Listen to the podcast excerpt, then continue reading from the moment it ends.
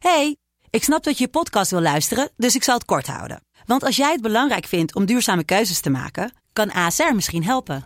Nou hoor ik je denken, hoe dan? Nou, bijvoorbeeld bij het duurzaam herstellen van schade. Of de premies die we beleggen volgens ons duurzaam beleggingsbeleid. Dat bepaalt waar we wel en juist niet in investeren. Wil je meer weten over welke duurzame keuzes ASR maakt? Ga dan naar asr.nl slash duurzame keuzes. ASR doet het. Zo, dan kan je nu lekker naar je podcast luisteren. Hey, ik snap dat je je podcast wil luisteren, dus ik zal het kort houden. Want als jij het belangrijk vindt om duurzame keuzes te maken, kan ASR misschien helpen. Nou hoor ik je denken, hoe dan? Nou, bijvoorbeeld bij het duurzaam herstellen van schade. Of de premies die we beleggen volgens ons duurzaam beleggingsbeleid. Dat bepaalt waar we wel en juist niet in investeren. Wil je meer weten over welke duurzame keuzes ASR maakt? Ga dan naar asr.nl slash duurzame keuzes. ASR doet het. Zo, dan kan je nu lekker naar je podcast luisteren. Hey Holland. Hoe gaat het met jullie? Fijn dat jullie allemaal weer ingetuned zijn bij Wilde Haren, de podcast. It's about to get really... Uh, ja, niet, podcasty. It's about to get really podcasty. Maar voordat het zover is, wilde ik jullie even melden dat Wilde Haren, de podcast, natuurlijk te luisteren valt langs de weg die jij nu hebt gekozen om het te luisteren. En dat is de podcast-app. Maar in de podcast-app kun je dus ook ons sterretjes geven. En dat moet je ook vooral doen. Geef ons vijf sterretjes. Zeg tegen ons, Wilde Haren de podcast, daar hou ik van. Dat vind ik leuk. En uh, waarom moet je dat doen? Ja, weet ik niet. Twan heeft tegen me gezegd. Dus ja, zo ben ik. Dan zeg ik gewoon, oké, cool. is niet helemaal waar. Ik verschuil me eigenlijk een beetje achter Twan. Ik wil gewoon populair gevonden worden. Met de podcast dan specifiek. It's my way of creating identity in this cold world.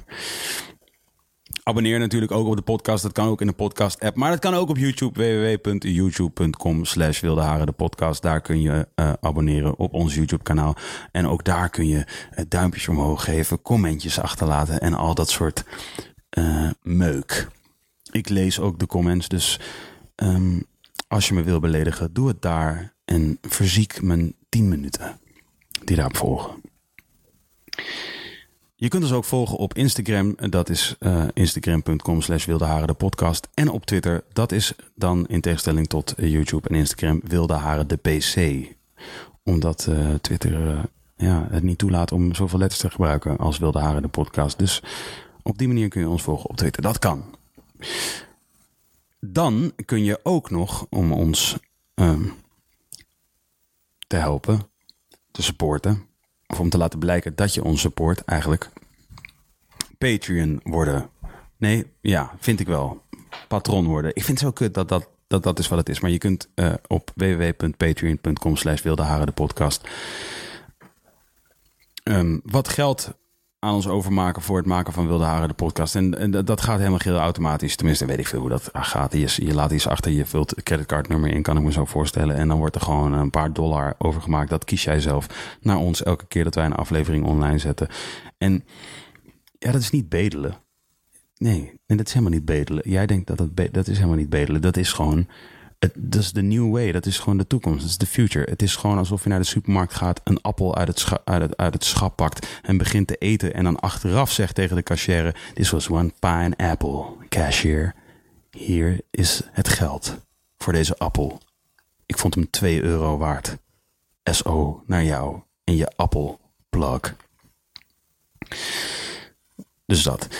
Je kunt ook nog eventueel t-shirts kopen van Wilde Haren de podcast. Dan stuur je een mailtje naar uh, rampenplantwan.wildeharendepodcast.nl En dan zeg je tegen Twan, hey Twan, ik wil graag een t-shirt van jou kopen. Dit is mijn maat, hier woon ik, dit is mijn adres, mijn postcode, mijn naam en de stad waarin ik woon.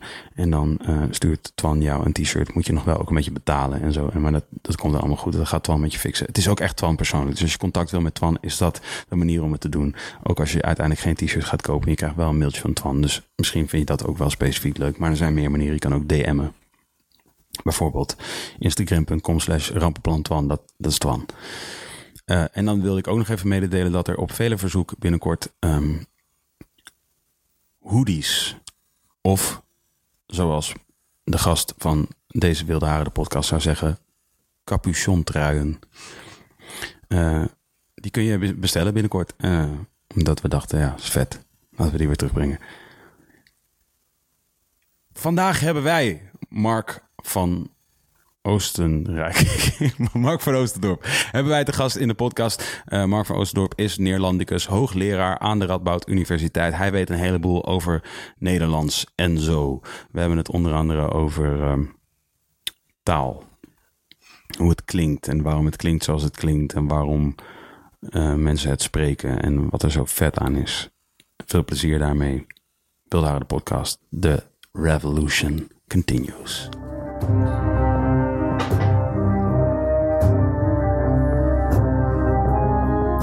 Ben jij geknipt van? Zeker. Het is al mijn haar op tafel.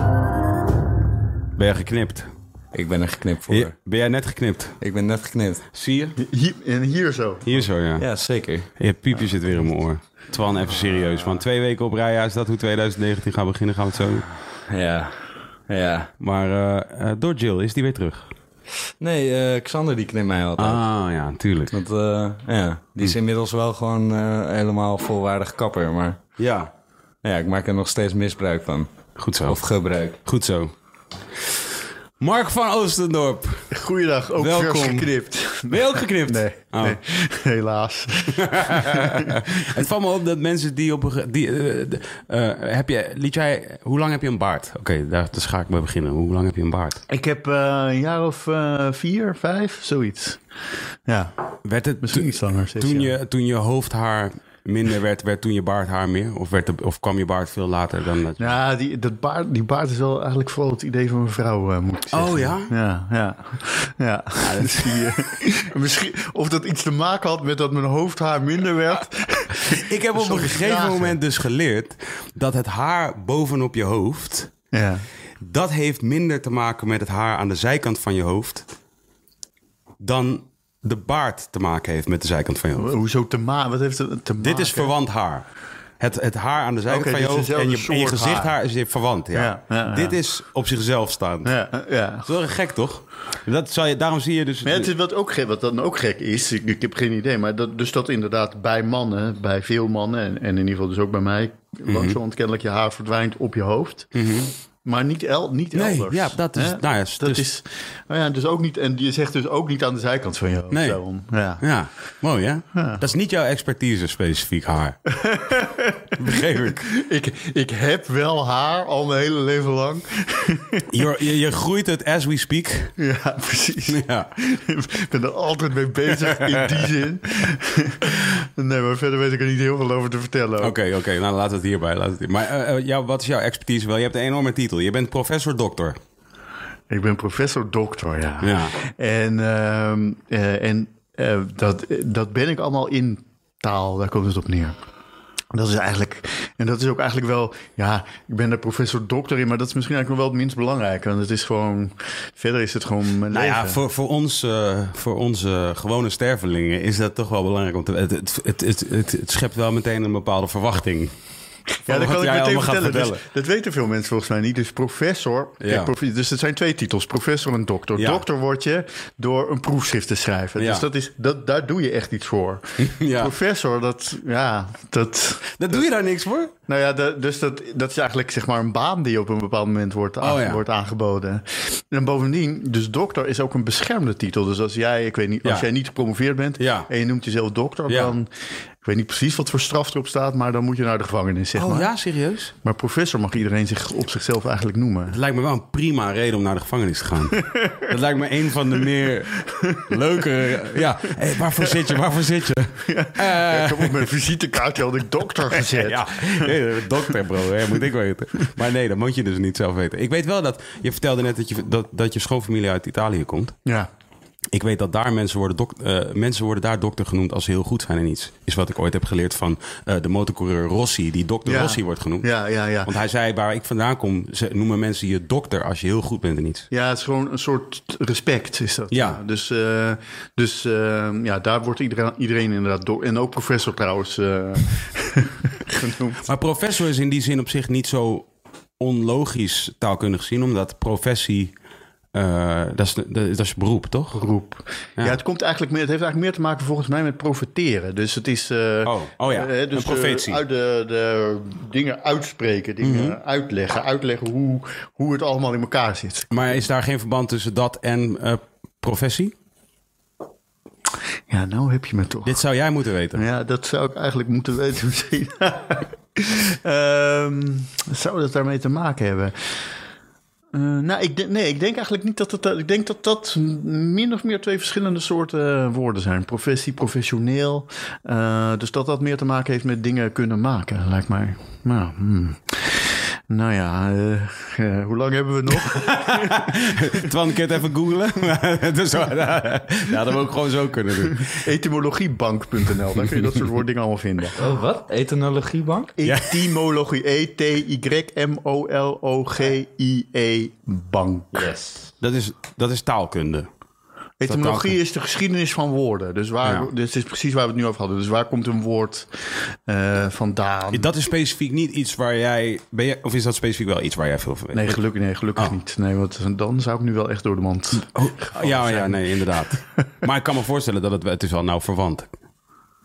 Ja, nou ja, kijk, taal- het punt met taal is dat het gaat, het gaat, het gaat over zoveel verschillende dingen. hè. Taal heeft met zoveel verschillende dingen te maken. Mhm. Ja. Dus taal zit in je hoofd. Dus dat kun je bestuderen. Hoe zit dat dan precies bij mensen in hun hoofd? Mhm. Hoe leren mensen taal? Hoe leren baby's taal? Hè, Dus eh, kleine baby's die opgroeien, die op de een of andere manier pikken ze Ja. eh, om zich heen op hoe de taal, wat de, hun moedertaal is. Ja. Hè? En, en na een paar jaar spreken ze die perfect. Ja. Dus niet perfect in de zin van eh, volgens de schoolregels, maar wel perfect als een perf- perfecte kopie van zo, zoals hun ouders praten. Hoe kan dat eigenlijk? Van iets dat zo ingewikkeld is. Dit weet jij. Dat jij weet hoe dit kan. Eh, eh, nou, ik weet het niet, maar ik wil het wel graag weten. Dus het is wel iets wat we bestuderen. Het is, Ja. eh, het, het is voor een groot deel is het eigenlijk nog steeds ook wel ja, een raadsel. Het is, want het is, als je erover nadenkt, dus als je na, over nadenkt over al die dingen die je dan weet, als je Nederlands kent bijvoorbeeld, Ja. dan weet je zo ontzettend veel dingen. En ook een kind van vier weet al zo ontzettend veel verschillende dingen. Dus je weet bijvoorbeeld hoe je al die verschillende klanken maakt. Dus je hebt op de een of andere manier geleerd het woord soep, hoe je dat maakt. Net gegeten. Dat wist je, je wist ik, het. ja, Ja, ja, ja. Ik, voel, ik voelde dat. Soepig hoofd Dat, heb ik. precies, dat is ook deel van mijn werk. Nee, maar, dus willeke, water, willekeurig welk woord. Ja. Ja, als ik jou vraag, het woord soep, hoe maak je dat? Ja, dan weet, je weet dat op een bepaalde manier niet echt expliciet. Hè? Dus daar moet je over nadenken. Maar een kind weet het wel. Die hoort om heen soep zeggen... en die, op de een of andere manier leert hij zichzelf om dat te zeggen. Dat is nog maar, nog maar het begin. Maar dan soep, wat betekent dat eigenlijk, soep? En hoe kom je daarachter? Dus mensen wijzen jou op een, op een bord soep. Maar hoe begrijp je dan dat dat soep betekent, of tomatensoep, of bord met iets warms erin, of, of wat dan ook. Dat kan je niet worden uitgelegd, want je kent nog geen taal. Ja. Hè? Dus eh, dat, is een van de, dat is van de andere dingen die je weet. Nou, en dat, dat, zo kun je verder gaan, verder gaan, tot en met hoe voer je gesprek? Hoe weet je, nu wij, wij, wij voeren nu gesprek met elkaar. Eh, jij weet op een bepaald moment, weet je vanzelf dat ik nu klaar ben met praten en dat jij nu meer weer mag. En, en, maar dit, en ook dit, hè? Dus dit, want dus zo'n zo'n eh, stilte, dat voelt meteen als ongemakkelijk. Ja, ik heb wel, En ik heb wel het gevoel dat wij, we zijn wel, ik heb, je bent wel een persoon met wie ik het gevoel heb dat ik, ik ben nu al wel vrienden met jou in een tien minuten. Ja, Ja. gelukkig, dankjewel. Dat is wel het, dat is wel het gevoel dat ik heb. Ja, maar dat is ook dus misschien dan omdat kan je- dat permitteren, zo'n stilte, ja. Ja, ik, heb wel, ik voel me wel comfortabel met een, stil- met een stilte met jou. Misschien niet als ik het nu zo vaak ga zeggen. Nee, maar als je, dit, als je dus dit doet, wat jij nu doet... Ja. en als je het inderdaad zeker als je dat doet met een vreemde... en je doet dat steeds... dan weet je zeker binnen de kortste keer heb je ruzie gewoon. Ja, Terwijl dat, dat, zijn, dat zijn stiltes van ja, een seconde, twee seconden. Zoals dat zijn eigenlijk maar heel korte stiltes. Ja. Maar die kunnen dus al verschrikkelijk irritant zijn. Net zoals te kort erop zitten al verschrikkelijk irritant kan zijn. Hè? Dus dat, dat voelt dan net als de hele tijd onderbroken worden. Dus dat is, ligt uiterst subtiel. Dat is echt een kwestie van millisecondes. En dat moet je dus leren aanvoelen, want het is ook nog eens een keer voor de ene cultuur anders dan voor de andere cultuur. Ik heb een tijdje heb ik in Noorwegen gewerkt, jaren geleden. En toen had ik een baas. En die deed dat eigenlijk dus altijd zo. Dus dan zei je iets. Dan was ik aan het uitleggen wat ik aan het doen was. En dan zei hij. Ja. En eh, dus als je baas dat zo doet, i- in Nederland in ieder geval, denk je, ja, nee, er is gewoon iets mis. Maar dat was gewoon zijn, zijn normale manier van aansluiten in dat, eh, in dat gesprek. Nou ja, dus dit zijn allemaal, allemaal dus verschillende dimensies aan taal. Dus het zit, iets- het zit in ons hoofd, het zit tussen ons in. Het is iets waarmee Mhm. Zit in, we ja. communiceren, maar het is ook iets waarmee we laten zien wie we zijn. Door, Ja, zo cultuur. Het is cultuur, het is eh, identiteit. Ja. Hè? Dus je, je, eh, iemand belt je op. Eh, iemand belt je anoniem op en je, je hebt die persoon aan de lijn. Ja, binnen een paar seconden heb je van allerlei ideeën over die persoon Mhm. in je hoofd. Hoe oud ongeveer is, man, nou, man of vrouw, eh, eh, wat voor een Klasse? achtergrond ongeveer, sociale klasse, wat voor geografische achtergrond. Al die dingen heb je binnen de kortste keer, en dat idee kan soms fout zijn, maar je hebt er wel binnen de kortste keer een idee, Ja. idee van. Ik moet lachen omdat ik wel eens ben uitgenodigd. Of ik ben meerdere keren uitgenodigd om. eh, van die, hoe noem je dat? Eh, van eh, voiceovers. Voiceover, ah, heet dat Ja. voiceover? Zo'n soort ding. Dat je een- bij een reclame van Ja. Vodafone-achtig. Maar dan vroegen ze mij, want dan zochten ze een urban stem. Dat zeiden ze dan. En, en, en ik, één keer deed ik zo'n test. Ik deed één keer zo'n test en toen was ik zo die opnames aan het doen. En toen zei die man aan het einde... Kun je dit iets meer misschien op je eigen, op je eigen, op je eigen manier doen? En ik had zoiets van, "Huh? dit is gewoon hoe ik praat. Ik ben geboren in Leusden. Ik ben gewoon zo, het wordt niet veel ABN'er ze dan waar ik dan vandaan dus, kom. eh, etnisch... eh, Urban, I guess. urban. Weet niet, stads of zo. Dus misschien moest ik praten met een bepaalde... Met een accent of met een... Ik denk het. Ik weet het niet. Ik, weet, ik kon er ook niet uit opmaken. Ja, maar dat, ik ben helemaal niet Amsterdams. Nee. Ik, ben helemaal, ik ben niet eens grootstedelijk. dus ik wist ook niet zo goed. Het is wel... Ik draag wel een petje. Ja, je hebt een dat wou net zeggen, ja. Het ja, heeft dat dus klaarblijkelijk geen invloed op mijn accent of mijn dialect. Ik, ik, ik, I hate to disappoint you. Dus dat was, was, eh, was een zeer teleurstellende ervaring voor deze, voor deze meneer. Ik, heb, oh, ik moest nu denken aan wat je net aan het uitleggen was. Moest ik denken aan... Oh, nee, sorry. Ik was echt... bij mijn Waarom hoofd- zijn je naar mij, maar is er niks aan de hand? echt mijn hoofd krabben. Is je net naar de kapper geweest? Er zijn een heleboel dingen al door mijn hoofd geschoten ehm, tijdens dit gesprek. Eén is, je lijkt, heel- je lijkt, waarom ik me ook misschien comfortabel bij voel, is je lijkt een beetje op een goede vriend van mij, Dennis van der Meijden. Te relaxed, hij lijkt een beetje, lijkt een beetje op te relaxed. Nou ja, niet, Hoe je praat. Dag Dennis. Hele leuk, ja, hele, hele, een van mijn beste vrienden, hele aardige gozer. Heel goed. Tweede wat ik wilde zeggen is dat ik hier een keertje Arjen Lubach in de podcast had. Een paar, paar eh, Ja. wel een zooitje afleveringen geleden. En toen, en toen hadden we een gesprek over, woor- over woorden. Want ik vind het specifiek heel leuk. Eigenlijk ging het over namen. Omdat ik het heel grappig vind. Ik hou er dus wel heel erg van wat, wat iets betekent en waarom dat dan iets betekent. En bijvoorbeeld eh, welke invloed het heeft op jezelf als je een bepaalde naam krijgt. Wordt geboren. Ja, Weet ik veel. ja. Het is heel opvallend dat bepaalde mensen bepaalde namen in bepaalde, eh, op bepaalde plekken niet zijn en wel zijn of zoiets. Daar hadden we het over. En, en, en, en, en dat vond hij op een gegeven moment heel irritant. Toen zei hij van, ja, kunnen we het nu over iets anders hebben? Dus dat, hij was een van de enige mensen die in al deze eh, afleveringen... Die, heeft hij gezegd, kunnen we het Nou, over ik iets er anders hebben? Ja, hij was, hij was het beu. En, en, en later, en daar moest ik nu net aan denken... had hij het ook over, en dit is een veel gehoord argument... eh, de, ehm, nu wordt het wel heel erg een semantische discussie. Ja. Is dat... Ik vind dat altijd heel vervelend als mensen dat zeggen. Wat vind jij daarvan? Maar wa- waarom vind je dat vervelend? Omdat ik denk dat we aan het praten zijn... en het heel belangrijk is dat ik iets bedoel met het woord dat ik kies. Dus als je gaat zeggen, ja, nu ben je de betekenis van het woord aan het ontleden... dat is wat hij dan bedoelt, neem ik aan... Ja. Dan denk ik, ja, maar dat is toch belangrijk? Want wij zijn nu toch aan het praten. Ja, ik Jij moet toch weten wat ik bedoel want- met dat woord? Dus als mensen zeggen, dit is een semantische discussie... dan weet ik eigenlijk zelf eigenlijk niet zo goed wat dat dan, wat dat dan eigenlijk precies ja, betekent. dan, dan, dan Hè? gaan we de woorden op herdefiniëren. I guess. Ja, nu gaat het, ja, het gaat dan nu over de betekenis van, de, van onze Gekozen woorden. woorden. Ja. ja maar, ja, Maar dat ja, is ja. belangrijk. Zo van, ja, Ja, maar natuurlijk. dat, dus, ik denk, ik, dus mensen vinden het vervelend om te praten over de woorden, over de met wo- woorden. Ja, ja, ja, dat, maar dat is, kijk, dat is natuurlijk, het is een heel bekend effect. Iedereen kent dat. Dat als je een woord twintig keer zegt, Ja. soep, Aardappel, soep, soep, aardappel, aardappel, aardappel, aardappel, dan, Wordt het dan wordt het heel raar. Ja. Ben je wel eens stoned? Nou, alleen op die manier Ja, nou precies. Ik heb één keer eerder in deze podcast heb ik een keer, heb ik een keer genoemd dat het, als je erover nadenkt wat taal is, En, en, en vooral als je, dus, als je dus bijvoorbeeld stoned bent, en dat, wat ik, wat ik Ja, ook al heel lang niet meer geweest, maar je, voorstellen, ja. dat ja. je dan ineens hoort, dan hoor je die woorden ineens. Dan denk je, hommel, Ja, ja. hommel, Ja. hommel.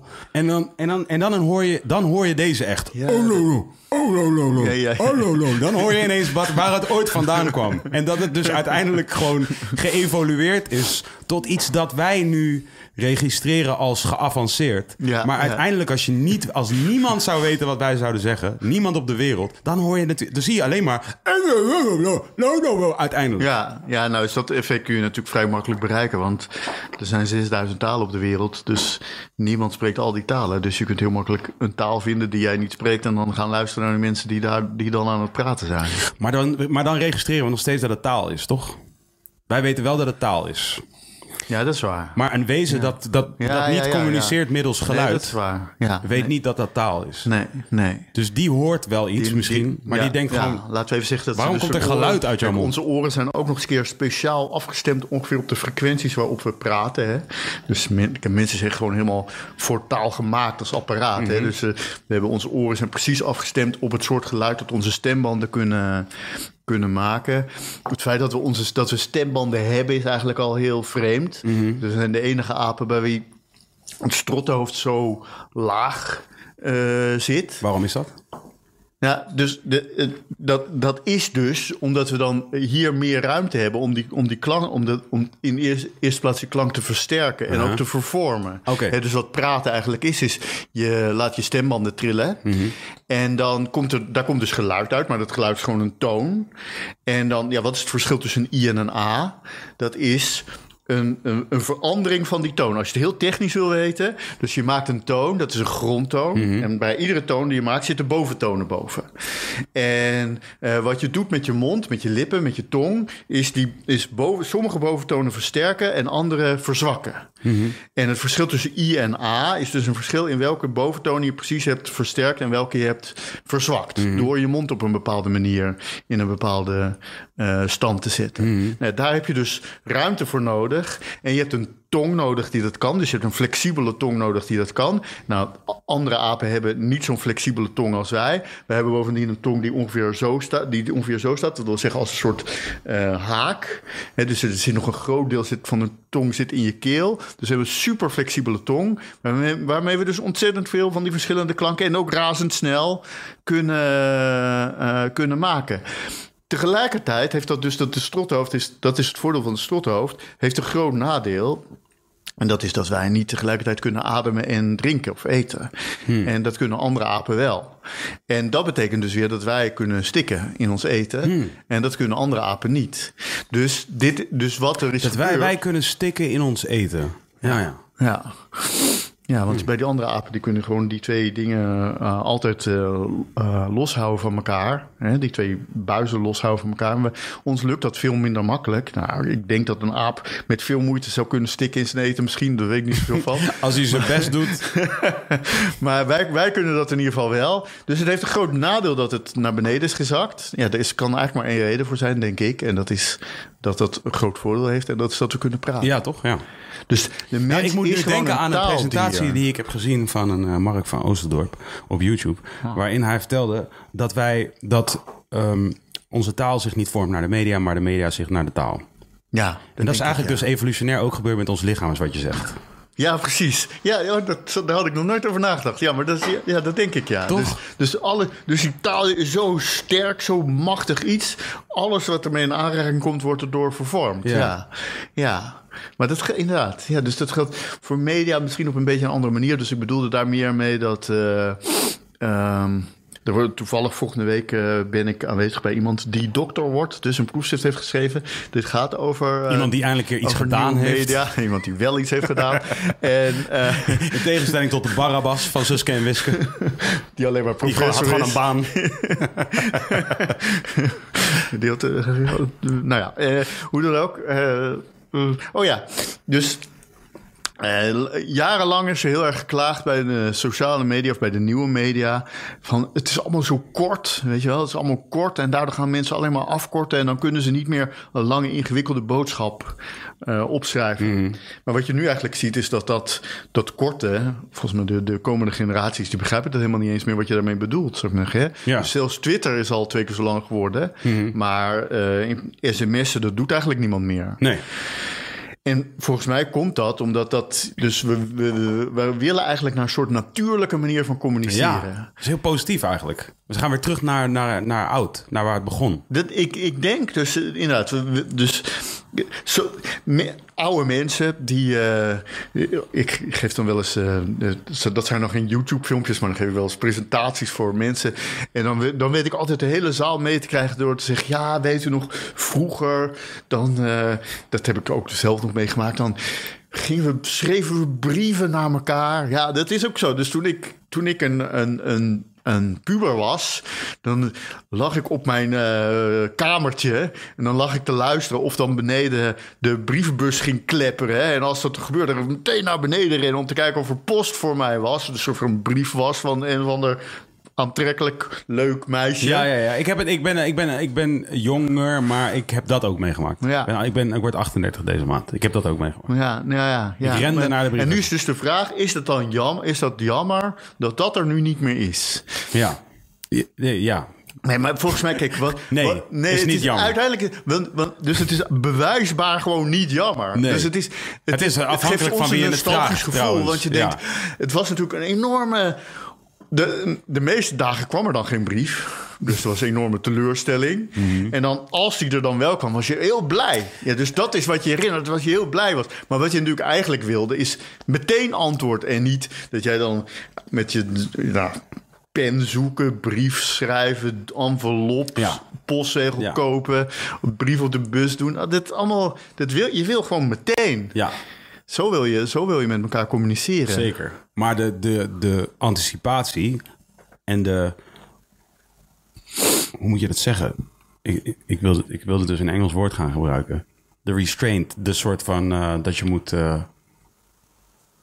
Zelfbeheersing. ja, precies. Ja, ja. die je moet hebben voor die discipline. Die op dat moment gewoon was wat het was. Je kon niets anders. Dat is hoe je kon communiceren met je vriendinnetje die je in Frankrijk had opgeduikeld in de lokale dancing. Ehm, Iedereen heeft zijn eigen verhaal. dat, d- het moest wel zo. Maar, maar het, het leuke eraan was natuurlijk wel dat spannende gevoel. Ik weet nog heel goed, ik had zo'n eh, vriendinnetje. En ik fietste dan vanuit school en dan had ik geschreven. En dan rekende ik in mijn hoofd, oké, vanaf dat ik heb geschreven... ja, ja. duurt het een dag voordat die brief daar is. Dan gaat zij hem lezen.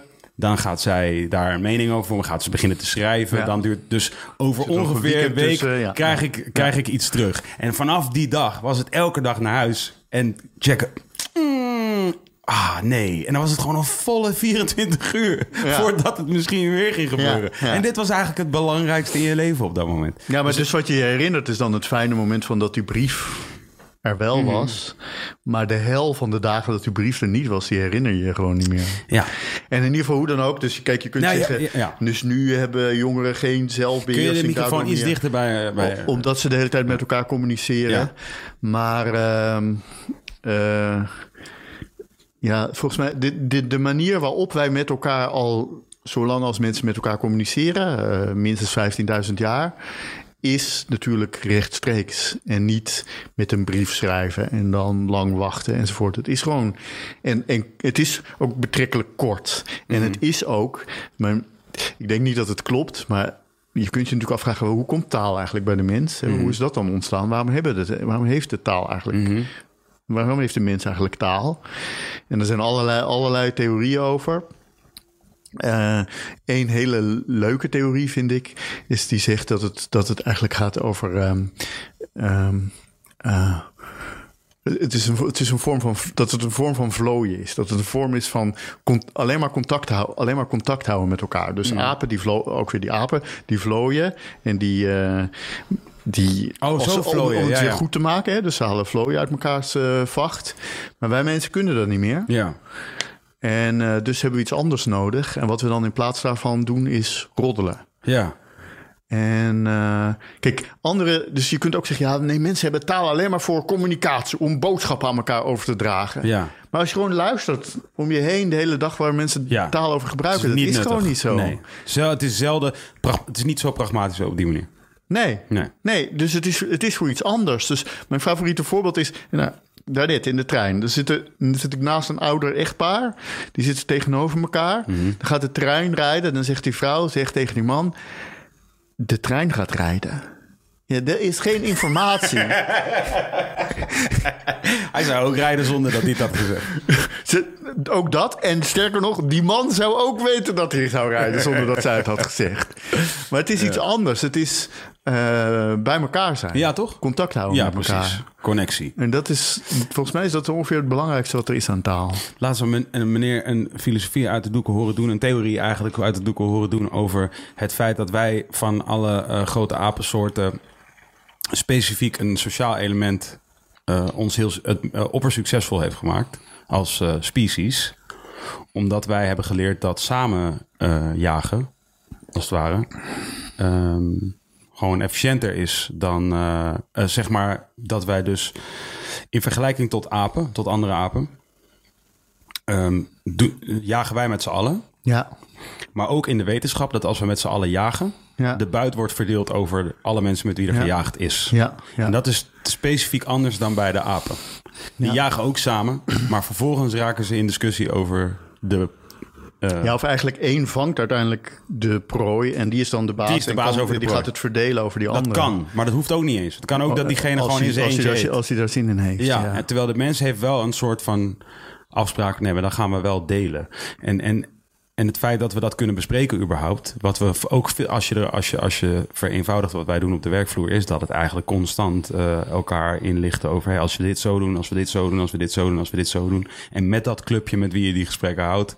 ben je de buiten aan het, eh, ja. aan het verdelen op voorafgemaakte afspraken, Ja, het, is, voorwaarden. het is dat en... en, en ehm, dus een ander verschil is dat mensen die, kunnen, die, die werken samen en dan met allemaal een eigen rol. Dat doen apen ook niet. Dus die gaan dan samen jagen, maar die doen eigenlijk allemaal hetzelfde, namelijk jagen. Oh ja, ja. Maar zeggen, nou, ik ga daar aan, de, aan Ja, die kant van de bosjes staan en dan jaag jij het dier op en dan vang ik het op en eh, hebben we het samen. Dat. ehm, en hele kleine kinderen kunnen dat al wel. Dus hele kleine kinderen die dus elkaar helpen. Ja. Hè, dat is. eh, dus ze hebben wel eens experimenten. Ik heb wel eens een filmpje daarvan gezien. Dat staat ook vast ergens op YouTube. Waarin. eh, het is heel simpel. Dus het is een, een klein kind. Kind echt een drie jaar, vier jaar oud. Heel, heel klein kind. En dan komt er een, eh, een man komt binnen met duidelijk overdreven ook heel draagt iets heel zwaars. Zucht te steunen. En hij wil duidelijk, hij maakt heel duidelijk dat hij dat zware in een kast wil leggen, maar de kastdeur is dicht. Kleine kinderen gaan bijna allemaal die kastdeur dan open doen. Ja. Alle culturen, dat is, dat Hoeft is, niet verteld te worden, dat is gewoon duidelijk. dat is, dat doe je vanzelf als mens. En apen, kun je hetzelfde mee doen, die doen niks. Zo zijn ze. jij, jij vertel, in die presentatie die ik heb gekeken, waar je het, waar je het onder andere had over ehm, media en eh, hoe, de, hoe de Ja. media wordt gevormd naar taal en niet andersom. Eh, daar begin je eigenlijk over dat, er, dat, dat klagen over het ver- de verandering van taal, of de verloedering van taal eigenlijk zo al heel oud is. Ja, dus het bestaat al zo lang als we kunnen terugkijken in ieder geval. Dus eh, in ieder geval bij de Romeinen, zou ik maar zeggen. eh, daar- dus je vindt al Romeinen die zeggen, ja, die jeugd en tegenwoordig, dat is verschrikkelijk. Hoe die allemaal, dat kan toch niet? En ehm, ja, dus... dus ja, veel, veel verder terug dan dat kunnen we niet kijken. Want je hebt natuurlijk mensen nodig die dan iets zeggen... en ook nog eens een keer iets zeggen over taal. Dus ik denk eigenlijk dat het aannemelijk is dat het altijd is gebeurd. Dus wat, wat er hoort bij taal is dat taal altijd verandert. Dat, eh, ja, mensen nu praten anders dan 50 jaar geleden, maar mensen van 50 jaar geleden praten ook weer anders dan mensen 100 jaar Ja, ja, geleden. ja. En eh, dus het verandert altijd. En die verandering komt eigenlijk altijd vanuit de jeugd. Eh, vooral. Ja. Dus als je eenmaal een bepaalde leeftijd hebt bereikt, dan verander je niet meer zoveel. En, eh, maar de rol van de oudere mensen is dan om dat heel, Om te klagen. om dat heel erg te vinden. Ja. Zou ma- maak jij ook de vertaling van taal en de, laat ik zeggen, naar, naar de psychologie.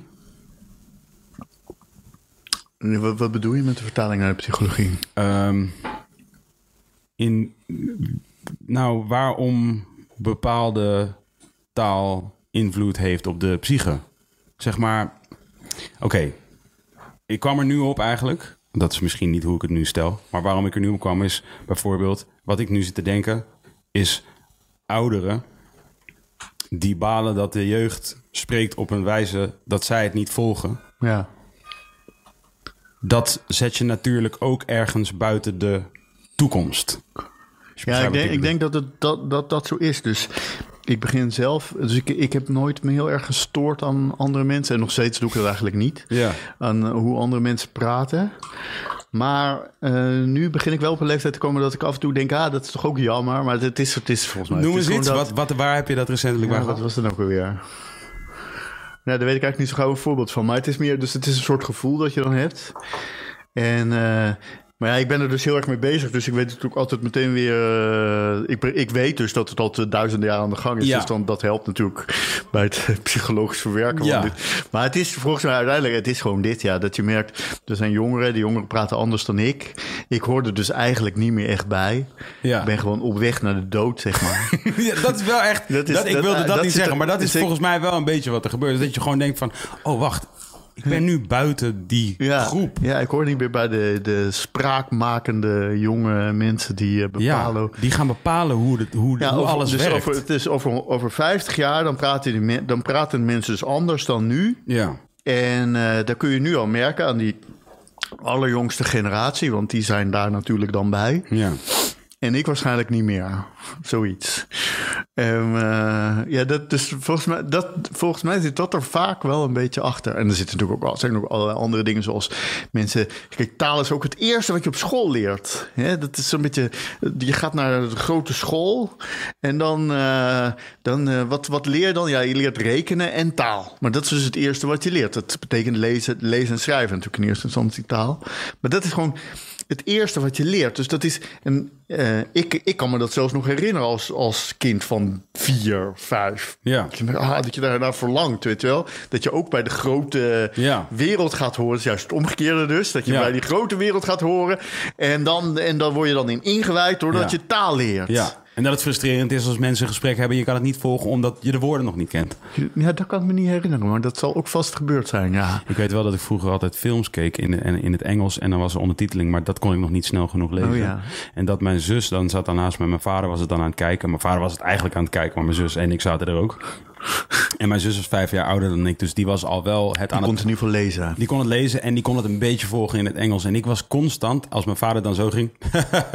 zei ik, wat zei hij, wat zei hij, wat zei hij? en mijn zus werd daar altijd zagrijnig van. Omdat je eigenlijk de hele film lang op- om uitleg aan het... Dus hij werd, dus en je had ondertiteling en mijn vader was het aan het uitleggen aan mij de hele tijd. Maar heb je zo Engels geleerd? Dat denk ik wel, ja. Ja, Toen je, op, toen je op school Engels kreeg, kon je toen al Engels. Ja. Want dat is volgens mij echt wel een verschil ja. in onze generatie, zou ik maar zeggen. Ik, ben 51, dus ik ben 4, 13 jaar ouder dan jij. Ja, ja ik, heb, ik, ik heb dus ook. ehm, ik vraag me nu wel eens af, want nu zie je steeds meer dat Nederlandse eh, tekenfilms en de- kinderseries eh, worden nagesynchroniseerd. En dat er ook überhaupt veel meer wordt gemaakt hier. Ja. Eh, maar toen ik opgroeide was het gewoon allemaal Engels. Eigenlijk alleen maar Engels. Alle, alle tekenfilms die je op televisie zag waren zo ongeveer Engels. Zelfs, zelfs Linda de Mol had op een gegeven moment een Engelstalig Maar want jullie keken, je keek wel alleen maar naar de Nederlandse televisie. Ja.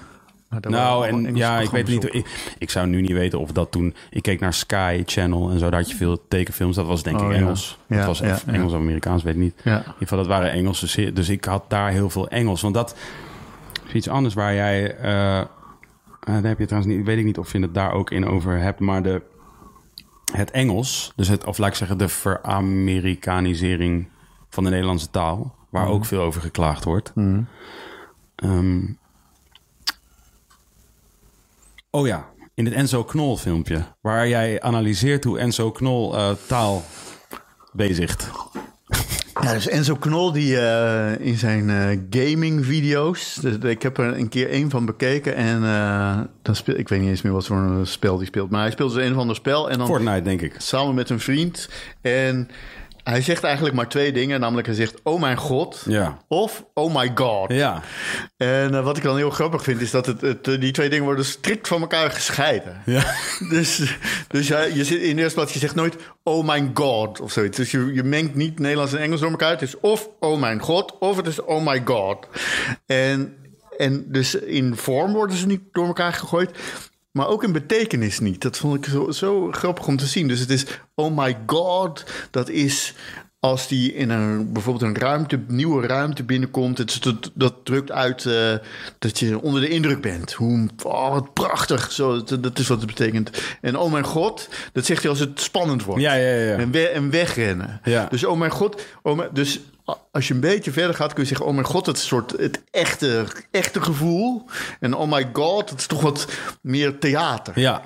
En uh, dus ja, ik vind dat heel, ja, dat, dus dat, ehm, die verengelsing, uh, uh, wat je daar ook van vindt. Ik zou altijd zeggen, het is in ieder geval op, op zijn minst is het super interessant dat het gebeurt. Hè? Want het gebeurt ook weer, nooit gebeurt zoiets dus zomaar. Dat laat nee, het heeft een zien. functie. Het heeft een functie en ook meteen, dus je hebt een Engelse vorm en een Nederlandse vorm. Die lijken eigenlijk hetzelfde te betekenen. Maar meteen krijg je een, een scheiding. Meteen gaat het ene het ene betekenen en het andere het andere betekenen. Meteen krijgt alles altijd een plaats. Ja. Meteen krijg je een semantische discussie. Denk je dat het ooit zou kunnen gebeuren dat er een, universele taal gesproken, uh, een universele taal gesproken gaat worden? Nee.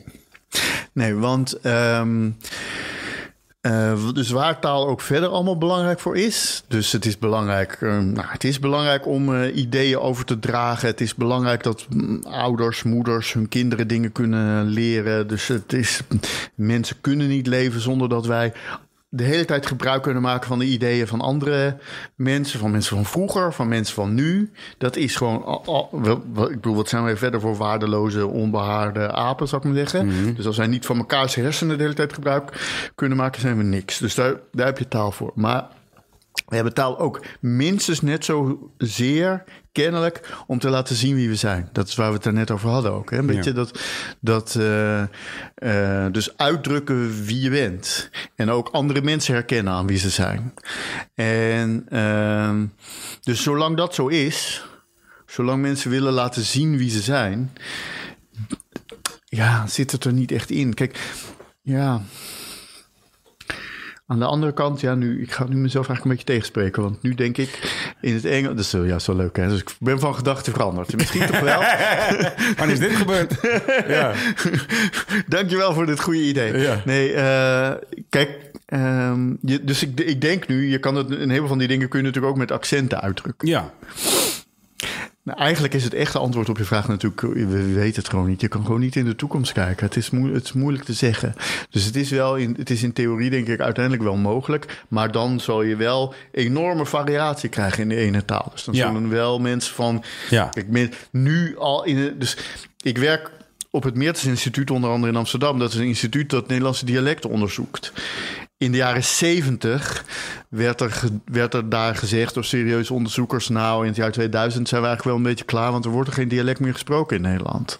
Dat is nu, het jaar 2000 is alweer eh, bijna 18, 20 jaar 19, geleden. ja. En eh, dat is nog steeds niet zo. Hè? Dus, eh, Hoe, wa- waarom dachten zij dat het wel zo zou zijn dan?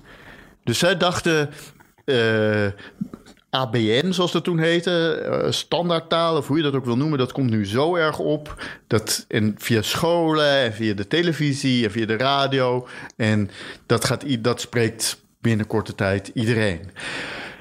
En dat klopt ook eigenlijk wel. Dus het is, het is dus, of, nou, nog, niet, nog, nog niet helemaal, maar dat klopt wel gaandeweg. Dat steeds meer mensen een soort van standaardtaal praten. Maar een heleboel mensen praten ook nog dialect.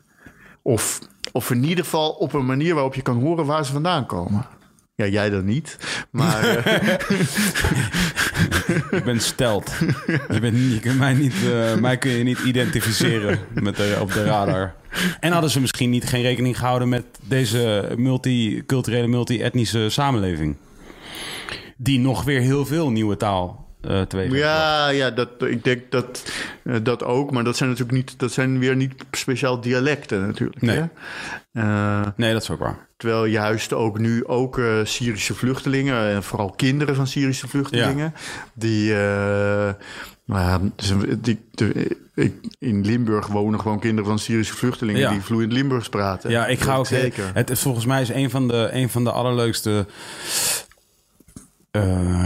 dingen voor onze eh, Marokkaanse eh, Nederlandse vrienden. Is om als jij een Marokkaan bent in Amsterdam, om te gaan om een Marokkaan uit Limburg te horen praten. Dat sowieso is dat echt een prachtig.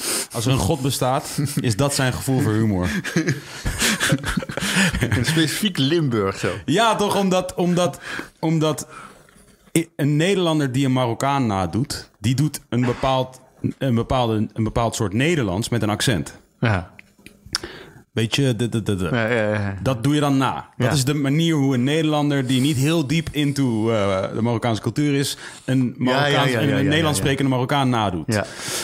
Maar nu is er, en als een Nederlander uit Midden-Nederland een Limburger nadoet, gaat hij een beetje zingen. ja. Ja, hoezo is dat? Eh, Maar dan heb je nu, moet je die, die combinatie bestaat ook inmiddels. ja. En, en die is weer grappig. Ook voor, die is ook weer voor Marokkaanse mensen uit eh, de Randstad ook weer grappig. Ja, ja, omdat het ja, weer ja, een nieuwe soort... eh, Maar dat laat eigenlijk precies dat punt zien. Hè? Dus dat je, dus, dat je, dus, nou ja, zo'n zo'n Marokkaans, dus een, Marokka, dus een Marokkaanse Nederlander in Marokkaanse Limburg, moet je dan dus eigenlijk zeggen. Die wil dus allebei, Ja. die wil dus allebei die dingen ook, die wil dus allebei die dingen laten horen. Of ook weer niet allemaal. Het zit er gewoon in, dus- omdat, omdat, de, omdat de, eh, de soort eh, gemeenschap waarin zij of hij leeft... eh, bijvoorbeeld veel al Marokkaans is... en dus dat die tongval er nog in zit... omdat er thuis Ja, die taal wordt, ja. eh, Arabisch wordt gesproken. Maar op, op school, eh, de leraren en, de en andere medeleerlingen praten Limburgs. Dus dan krijg je een cocktail van die twee dingen. Ja, de, dus Ik- dat weet niet of je opzettelijk die identiteit meegeeft ja, als Marokkaans. ja, en er zit ook nog iets tussen opzettelijk en het zomaar helemaal van nature meekrijgen. Namelijk, er is, wel, er is ook wel onderzoek naar gedaan dat je, weliswaar niet in Limburg, maar met eh, Marokkaanse en Turkse jongeren in Nijmegen en in Amsterdam, die dus inderdaad verschillend Ja. spreken.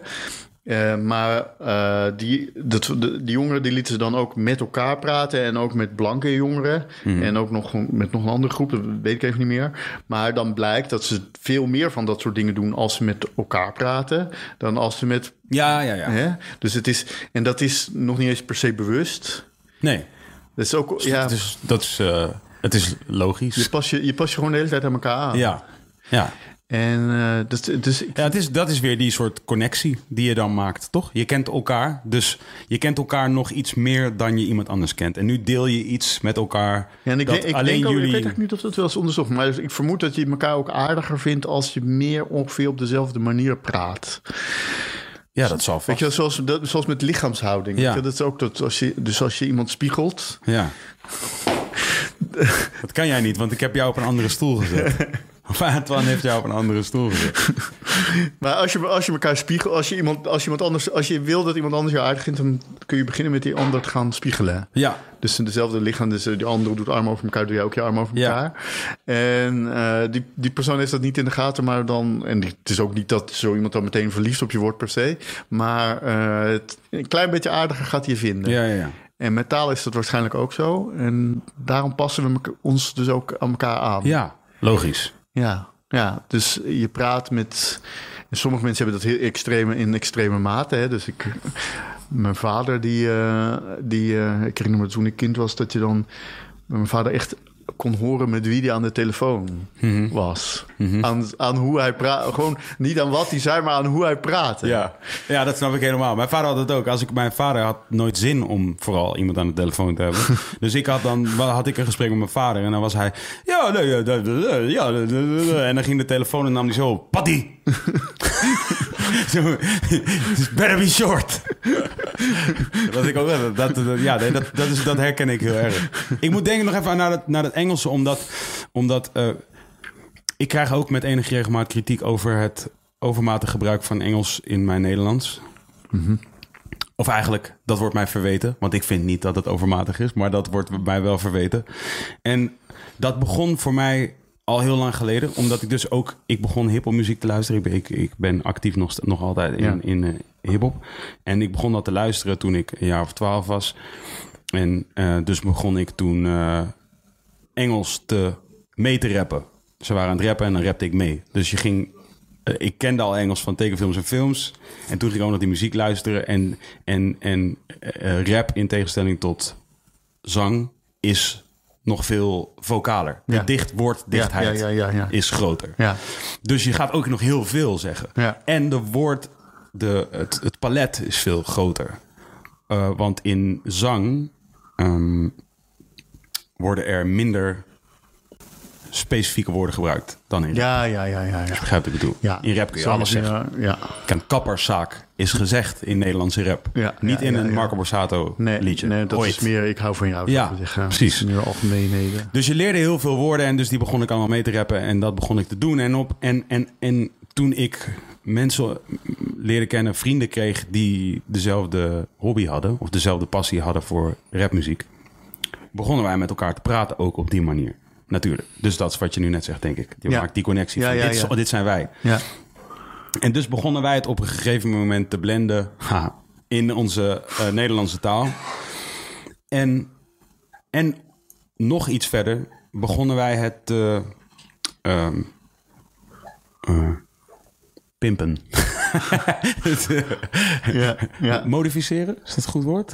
Ja, ja, ja. Ehm, namelijk, wij, wij gingen toen eh, een Engels vervoegen in het Nederlands. Ja. En, en eh, Twan, kun jij eens de, een mixtape van, of een ja, mixtape van eh, Turk, Murder Turk. En die, en die mixtape heet Be On The Kijk Uit. Kun je die eens pakken? ja. Dus een, een cover kan Twan even laten zien op, deze, op dit beeldscherm. Daar moest ik namelijk net aan denken. Dus dat zie je hier zo op het beeldscherm. Dat is een, dus de- op een gegeven moment hadden we een groepje jongens, eh, ik denk een stuk of vijf, zes, met wie we dus de hele dag ook gewoon één op één en, eh, en waren we zo aan het praten met elkaar. Dus ehm, we vervoegden Nederlands zoals Ja. je eigenlijk Engels hoort te vervoegen. En we vervoegden Engels zoals je Nederlands ja. hoort te vervoegen. Kijk, dus hier staat be on the kijk uit. Eh, wat eigenlijk vertaald is eh, vanuit een hip-hop ehm, uitdrukking. En dat, die gaat be on the lookout. Dat betekent dus hou dit in de gaten. En we vertaalden dit dus naar be on the kijk uit. Maar dus ook Nederlands en Engels door elkaar, zoals je kunt zien. En dat is nog iets wat we nog altijd volhouden. Dus wij doen heel vaak Engels woorden met Nederlandse lidwoorden. Engels zelfstandig naamwoorden met Nederlandse lidwoorden. Dat ja, soort dingen. Ja, ja. Ehm, eh, wat ik er grappig aan vind, is ik ben onlangs was ik in New York, een maand geleden was ik in New York, waar natuurlijk veel Nederlands ook nog altijd eh, zit. In de taal ook. Uh, en uh, niet in het laatste geval alle de wijken, die, eh, die dus eh, Brooklyn, Brooklyn, Brooklyn, bla bla bla. Harlem.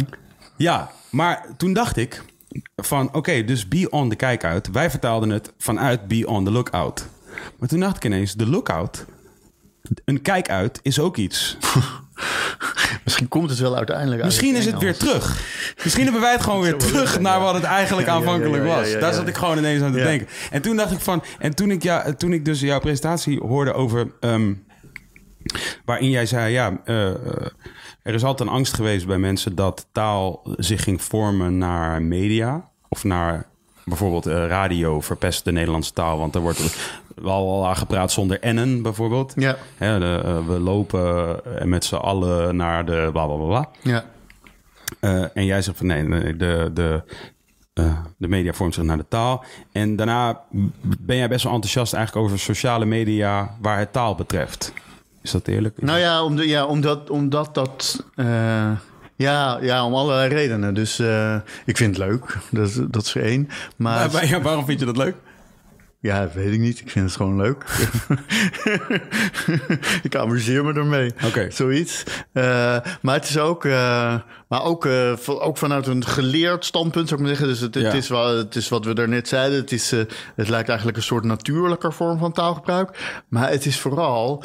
Kijk, als je, stel dat je nu wil weten hoe de taal 50, maar vooral hoe de taal 100 jaar geleden was. Dat weet je eigenlijk helemaal niet. Het enige wat je weet is hoe mensen toen schreven, om te beginnen. Ja. En er was dus altijd, en het meeste is dan gedrukt en zo, en dat was gedrukt en gecorrigeerd. Dus er is altijd over nagedacht, gecorrigeerd. Er zijn al allerlei mensen overheen gegaan. Dus je weet eigenlijk nauwelijks hoe dat, wat dat was. En dan schreven mensen wel brieven, maar ja, ook die brieven, daar werd dan weer ook wel weer over nagedacht. Dus Ja. ook nu, als je, het is zelfs onmogelijk, ook op de sociale media trouwens hoor. Het is gewoon onmogelijk om Te schrijven zoals je het zegt. op- ja, dat, ik- kijk, praten gaat zo snel. Ook als je niet zo snel praat, gaat praten nog steeds veel sneller dan schrijven. Dus, eh, en eh, eh, als je dat niet gelooft, dan moet je maar een keer jezelf opnemen. Een gesprek zoals dit En dat opnemen. uitschrijven. Dit- en dat gaan uitschrijven. Dus de meeste mensen worden er echt helemaal gek van. Ja, ja, van- ja. Van zichzelf dan. Want al die halve zinnen die je maakt en herhalingen en eh, vreemde soorten constructies. Die als je praat helemaal niet vreemd klinken. Mhm. Nou, nu, en podcast vind ik dus wat dat betreft daar- daarom ook geweldig. Want eh, dat is dus, ja, dat ook, het is natuurlijk ook weer s- podcasts zoals deze, die eindeloos duren. Is een eindeloos geouwe hoer. Ja. Voor de mensen die nu luisteren, dit stopt nooit meer. en u moet blijven luisteren. Jullie moeten, je kan hier niet meer vanaf. dit is jouw aflevering. voor, voor de Forever. rest van je leven. Ja. Ja. Ehm, eh, maar wat was ik ook weer aan het Ja, zeggen? dat is het risico van een grapje. Ja. Dat is dit, ja, elke keer Nee, weer. maar dus, die, dus, dat, dus dat is... Dat biedt opeens eh, een heel nieuwe manier. Dus je kan opeens rustig luisteren Mhm. naar hoe andere mensen zomaar aan het praten zijn. Ja. En dan kun je dus eigenlijk voor. En dus dit, dit, vooral deze opname, deze aflevering natuurlijk, maar gewoon zo'n podcast als deze, dat is gewoon over 100 jaar, is dat gouden materiaal. Omdat je veel natuurlijker soort manier van praten hebt. En dan kun je dat veel beter met elkaar vergelijken. Kijk, als mensen nu zeggen, mensen praten nu veel slechter dan vroeger. Eh, hoezo? Hoe weet je dat? Ja, weet je ja. helemaal niet. Je weet helemaal niet hoe mensen vroeger praten. En heb jij een opname uit 1520? Ja, nou ja, en zelfs je hebt wel opnames uit 1965 of zo. Maar dan, ja, dan hoor je mensen zo praten. Maar dat is niet omdat ze in het dagelijks leven zo praten. Nee. Hè, dat is omdat ze, omdat ze ja, In ze wisten dat ze gewoon, ja, en, en ze wisten, ze waren zich heel erg bewust van de microfoon. Hè, je moest, eh, mijn, mijn oma, mijn oma die deed nog de schort voor als ze schort af als ze de, aan de telefoon ging aannemen. Wat is er? Even die fles aan de kant. Dat probeer ik te... Deze fles? Ja, sorry. Oh. Jezus. Zien ze wat we aan het drinken zijn? Ja, nou jeetje. Ik zat midden in een lachsalvo. Ik moest lachen om, om een oma die haar schort uittrekt als ze aan de telefoon. Dat is wel tof, ja. Ik kan me dat herinneren uit films, dat mensen dat inderdaad deden. Dan deden ze Ja, en dan opnemen. ja. En, dus dat, en dat was dan nog maar de telefoon. Ja. Dus laat staan een microfoon. Dus ga je, ja, ga je praten voor de radio, weet je wel. Dan moet je toch wel van de dag van tevoren naar de kapper. Ja. En uh, Nu, eh, wat je nu ook je volgens mij gewoon in de kapper. Wat je nu ook volgens mij veel minder hebt dan vroeger. Ik, omdat wij. Ik nam op vanaf zeg maar eind jaren negentig begonnen wij dingen op te nemen. Ja. Met muziek. Dus. Ja. En dan hadden we dus met enige regelmaat mensen in de tussen studio, slaapkamer met een microfoon erin. En dan, maar dan hadden wij vrienden over de vloer, of bijvoorbeeld onze vriendinnen, die we dan af en toe zeiden: Nu, nu moet jij iets rappen. Ja. Gewoon, je bent nu hier, nu moet je wat rappen. En dan, nou, ah, je kon altijd wel iemand overhalen om te rappen. En dan ging diegene rappen en dan hoorden ze hun stem. En dan zeiden ze: Is dat mijn stem? Dat heb je nu niet meer. Want Nou. kids horen de hele dag hun eigen stem op hun telefoon. Hoezo? Omdat, ze zich, omdat zij eh, filmpjes maken van zichzelf. Oh, dat ze manier. dingen aan het doen zijn. Ze Ja, zijn ja, ja, ja. eh, eh, voice notes aan het versturen. Ze zijn allerlei, allerlei manieren hoe hun eigen stem gedocumenteerd ze horen. En eens hun eigen stem weten hoe ze klinken nu. Ja. Dat, men- Oh, ja. Toen mensen voor het eerst gecon- in eind jaren 90, begin jaren 0, dat mensen die ik ken geconfronteerd werden met hun eigen stem, Schamen zich dood. Ja. Ik herinner me opeens dat ik... Ik, had, ik, heb ooit, ik heb ooit mijn eigen stem gehoord... terwijl ik heel even niet wist dat het mijn eigen stem was. Oh, Dat is ook wel een interessante ja, ervaring. inderdaad. Dus ik had, ik had, er was, ik had op de radio had ik iets opgenomen. Ze hadden een opname gemaakt van iets. En eh 10, 15 jaar later was dat een onderdeel van een quiz.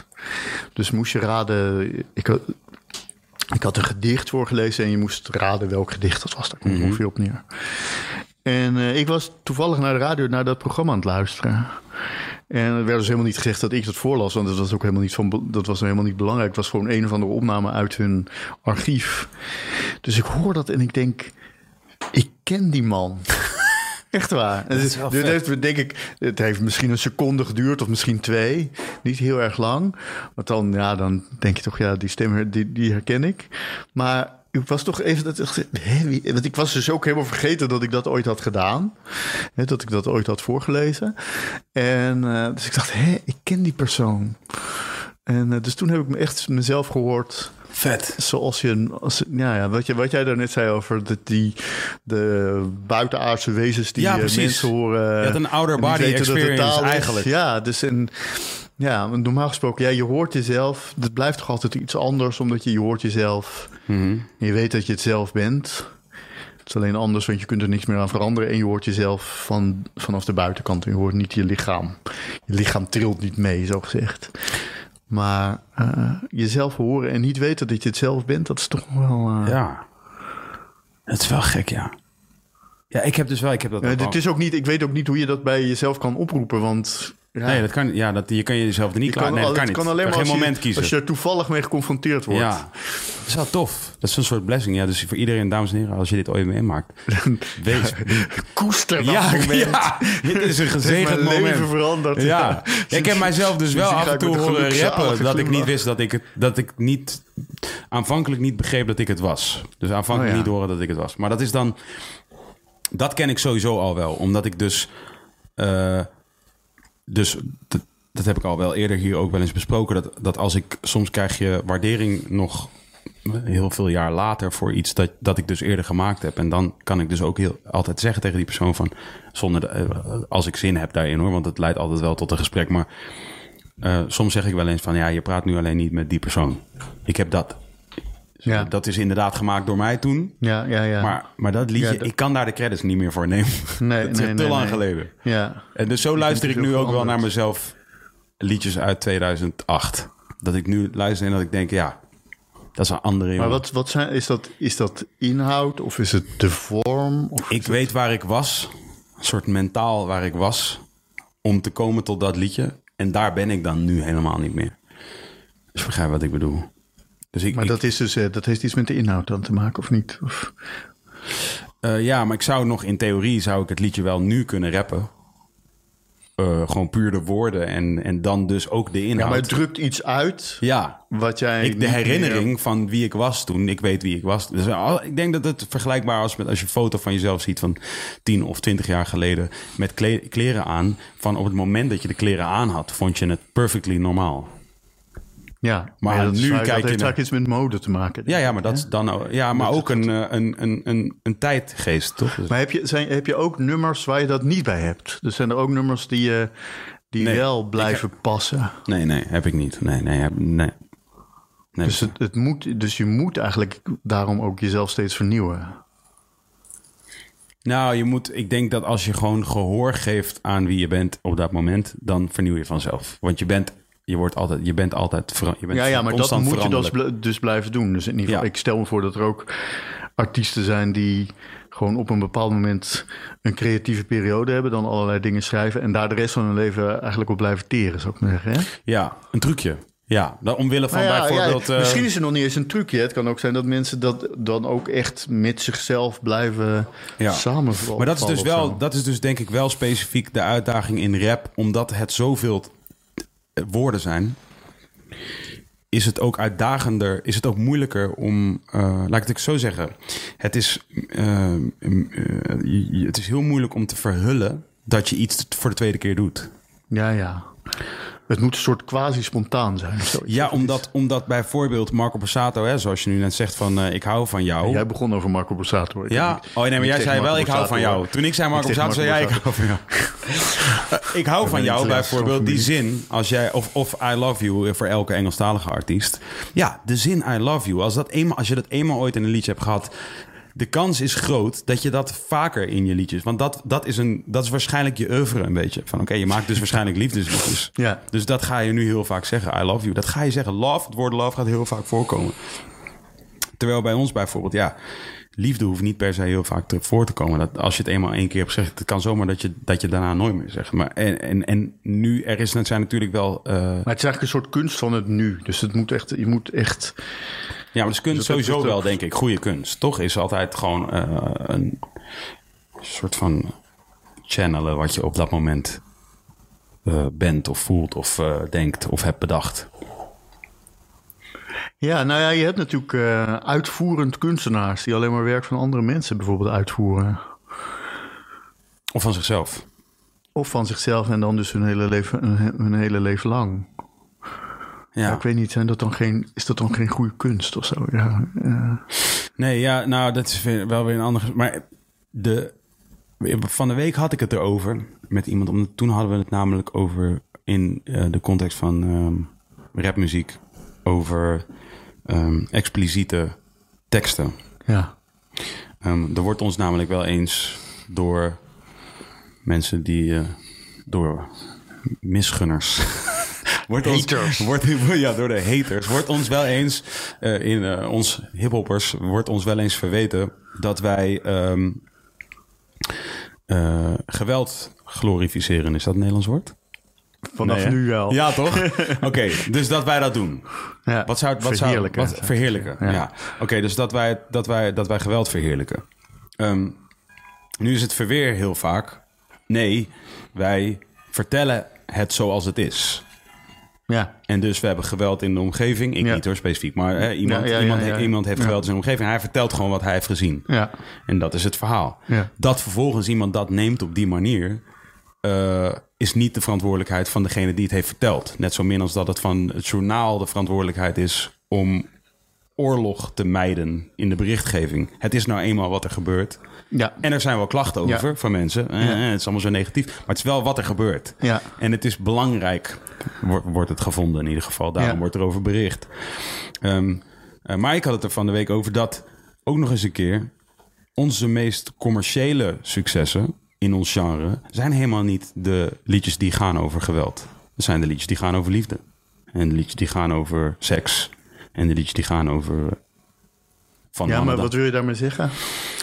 dat, eh, dat het, eh, het gewelddeel eerder een inperking is op je succes. Ja, ja, ja, ja. Oké, dus de kritiek is ook dat je, jullie gebruiken allemaal geweld alleen maar om, eh, om daar succes mee Voor, te voor, voor te persoonlijk halen. gewin, dat is helemaal niet waar. Je kunt beter, het is slimmer beter om Marco Borsato teksten, ja, Ja, ja. om Marco Borsato we gaan rappen. te gaan rappen. Dat is commercieel gezien slimmer. Eh, want als je het wil hebben over, eh, eh, over wapens en, over, en, en al die dingen, dan, dan er is nog steeds natuurlijk wel een groep voor jou. Maar je gaat, de kans dat jij, komt dat jij gaat optreden op Concert of Vrienden van Amstel, die is aanzienlijk kleiner dan wanneer jij liefdesliedjes rapt. Dus het verhaal met dat we, dat we eh, geweld verheerlijken voor, voor financieel gewin is, eh, is gewoon niet waar. En dus eigenlijk herken je eh, kunst binnen hip-hop aan juist hoe explicieter, hoe Ja, eerlijker. ja, ja, ja, ja, ja.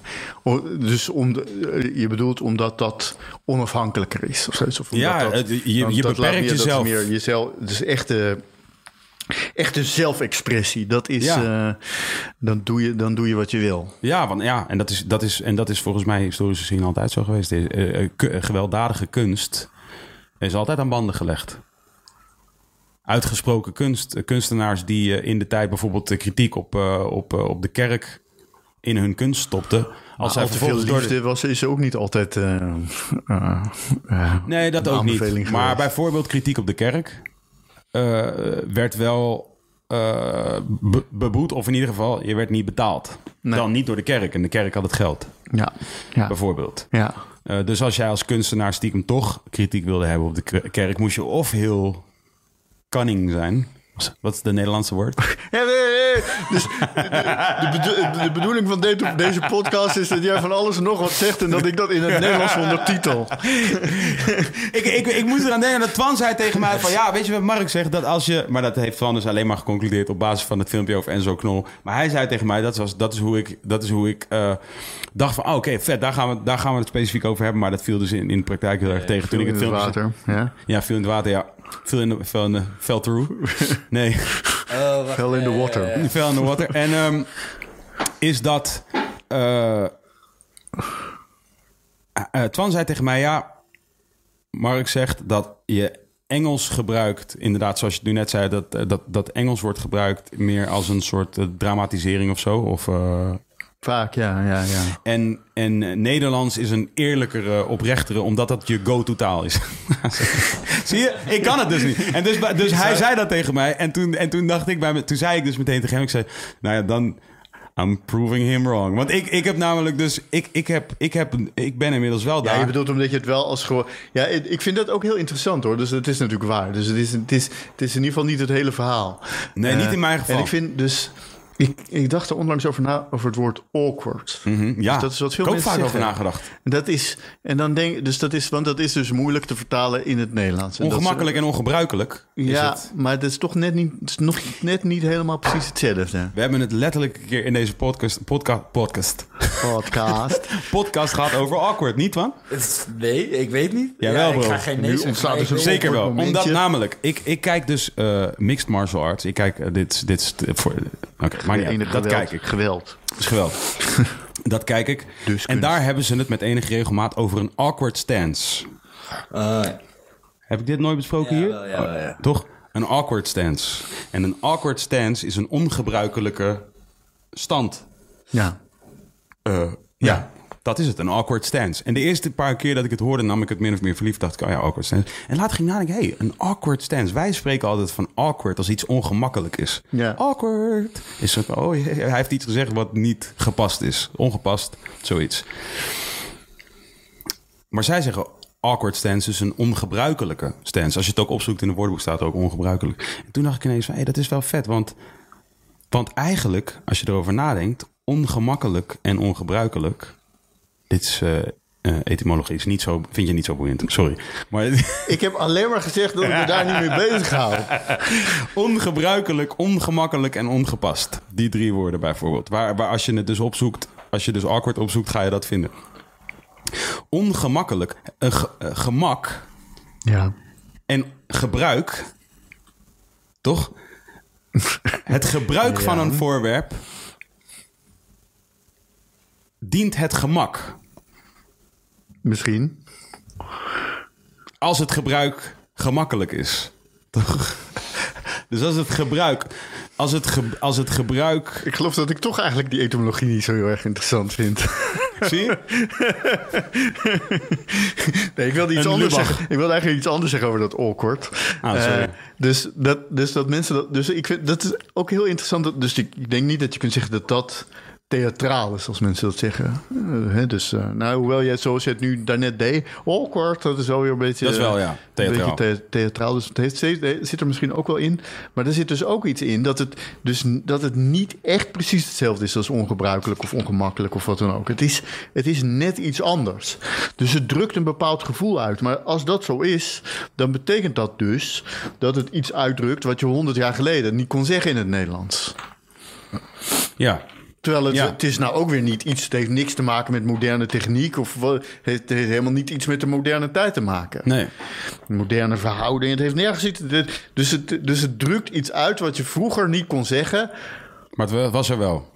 Eigenlijk. Waarschijnlijk. Misschien, ja, Moest- dat geweest. is dan de vraag. Was het er? Was het er? Dus komt er? Dus is het nou een gevo- dus je hebt een soort gevoel en dan kijk, er zijn bepaalde gevoelens die zijn, die zijn er gewoon. Dus woede of Mhm. eh, eh, vrolijkheid, sommige soort basale gevoelens, Mhm. die zijn er gewoon en die over de hele wereld komen die ook voor. Die kun je ook herkennen als je gezicht van iemand ziet, van een Papua ziet die woedend is, dan zie je dat hij woedend is. Dat is gewoon, Mhm. dat is meteen te herkennen. Maar er zijn ook ingewikkelde gevoelens. Teleurstelling is eigenlijk al een betrekkelijk ingewikkeld gevoel. Want het is voor nodig dat je, je stelt je iets voor en dat gebeurt dan niet. Dus dat is een heel ingewikkeld gevoel. Dat kun je ook niet meteen herkennen als iemand teleurgesteld is. En zeker niet als een, nou, weet niet papa, maar als een papa teleurgesteld is. hè. Dat, dat kan je niet meteen, dat zie je niet. Hoe ziet hij er dan uit? Dat weet je niet. Ik ben toevallig nauw verwant. Aan Van mijn vaders kant, ja. Heel Dus- goed. Dus, Nou, ik, ik dus weet jij- het wel. dus jij weet het wel. Ja, ja, ja. nou, heel goed. Ehm, maar, ehm, eh, dus, de, de- dus dat zijn ingewikkelde gevoelens die misschien eigenlijk alleen maar bestaan in zekere zin omdat we er een woord voor hebben. Althans, dus je hebt wel dat gevoel, Maar als je er nooit over kan praten, als je geen woord voor hebt, kan je er dus nooit echt over praten. Kun je alleen maar zeggen, ja, ik voel dit en dat. Ja, eh, ja het niet Ja. precies benoemen. En je, maar nog sterker is, je kan er eigenlijk ook niet over nadenken. Je kan er niet bij jezelf over nadenken. Hoe, hoe kom ik nou precies aan dit gevoel? Dus je, kunt- dus je kunt het niet goed, je kunt je eigen gevoel niet goed plaatsen. En eh, dus in die zin bestaat het, besta, bestaat het dus eigenlijk pas als je er een woord voor hebt. Dat geeft echt, maakt het echt reëler. Ja. En dus ik denk dat eh, wat dat betreft is dus, zou je kunnen zeggen, het gebruik van hoe meer woorden, hoe, meer woorden, hoe beter. Hoeveel woorden kent de Nederlandse taal?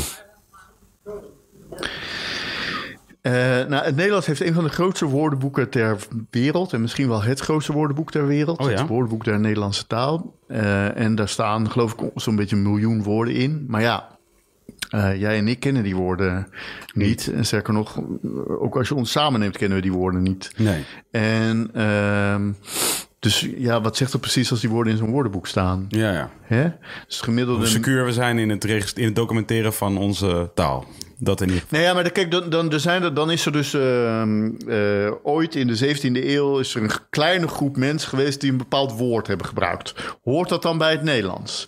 De woorden die jij met je vrienden gebruikt, horen die bij het Nederlands? En, en op, op welk moment? Hoor, als jij een willekeurig woord bedenkt, hoort dat dan bij het Nederlands? Je zegt tegen niemand, hoort het dan desalniettemin toch bij het Nederlands? Hè, dus wat is precies de grens? Wanneer gaan we precies Is, zeggen, is, daar, dit is is, een Nederlands woord? is daar iets bekend over? Als in, bestaat daar iets over? Nee, er is niks bekend over. Dat is gewoon een willekeurige beslissing Ja, ja. die je kunt nemen. Nee, oké, Dus maar ik bedoel, kijk, ik kan me, bij- bijvoorbeeld de meter, om maar eens wat te noemen. Er is een, er is een meter toch ergens? Er is ergens een fysieke meter Ja. wat de meter is. Ja, ja, ja. Dus ik bedoel meer... de was, was in ieder geval tot onlangs was dat zo in, Par- in Parijs, geloof ik. Ja. Ja, dus, dus wat ik bedoel is, is er een, is er een, eh, heb, is er ergens op een gegeven moment besloten, dit is Nederlands. Dit is, dit is hoe we bepalen dat iets Nederlands Nee. wordt. Nee? Nee, nee dat is dus. eh, er, zijn, dat is, er zijn eigenlijk helemaal totaal geen regels voor. Dus er zijn regels voor de spelling. Daarvoor is Mhm. een wet, spellingwet, zoals die heet. Ja. Dus, en daar, daar bestaat het groene boekje, of tegenwoordig is dat een website, woordenlijst. En eh, daar kun je dan opzoeken hoe je een woord dient te spellen. Maar wat de woorden van het Nederlands zijn, daar is, daar is op zichzelf eigenlijk al geen wet. Er is, nik, er is niks over. Er bestaat vandalen. En, maar ja, die, die, die registreren gewoon wat zij vinden. Ja, ja, ja. En die hebben, die, die hebben daar dan bepaalde En dat is regels toevallig voor. de autoriteit. Dat is gewoon Ja, dus ja, de autoriteit, dat is de autoriteit als je daar autoriteit aan toekent. Ja, maar, dat, is doen ook we wel niet. als Nederlands volk. We zeggen wel De meeste is- mensen zullen daar autoriteit Ja. aan toekennen. Maar dit, eigenlijk is Vandalen gewoon een bedrijf die Ja. een, een bepaald boek maakt. Shout-out naar hen wel. Knap gedaan. Ja, nee, inderdaad. Ja, Ja. nee, dat is echt waar. Ja, dus die, dat is dus. Monopolie dus echt- op de taal. Nou, op de woorden dan in ieder de geval. woorden, ja, ja. En, eh, en inderdaad de monopolie. Dus vroeger waren, had je nog allerlei woordenboekmakers. Nu heb je eigenlijk alleen nog maar Vandalen. En die worden inderdaad gezien als een geweldige autoriteit. Daar moet je, moet je zijn. Ja.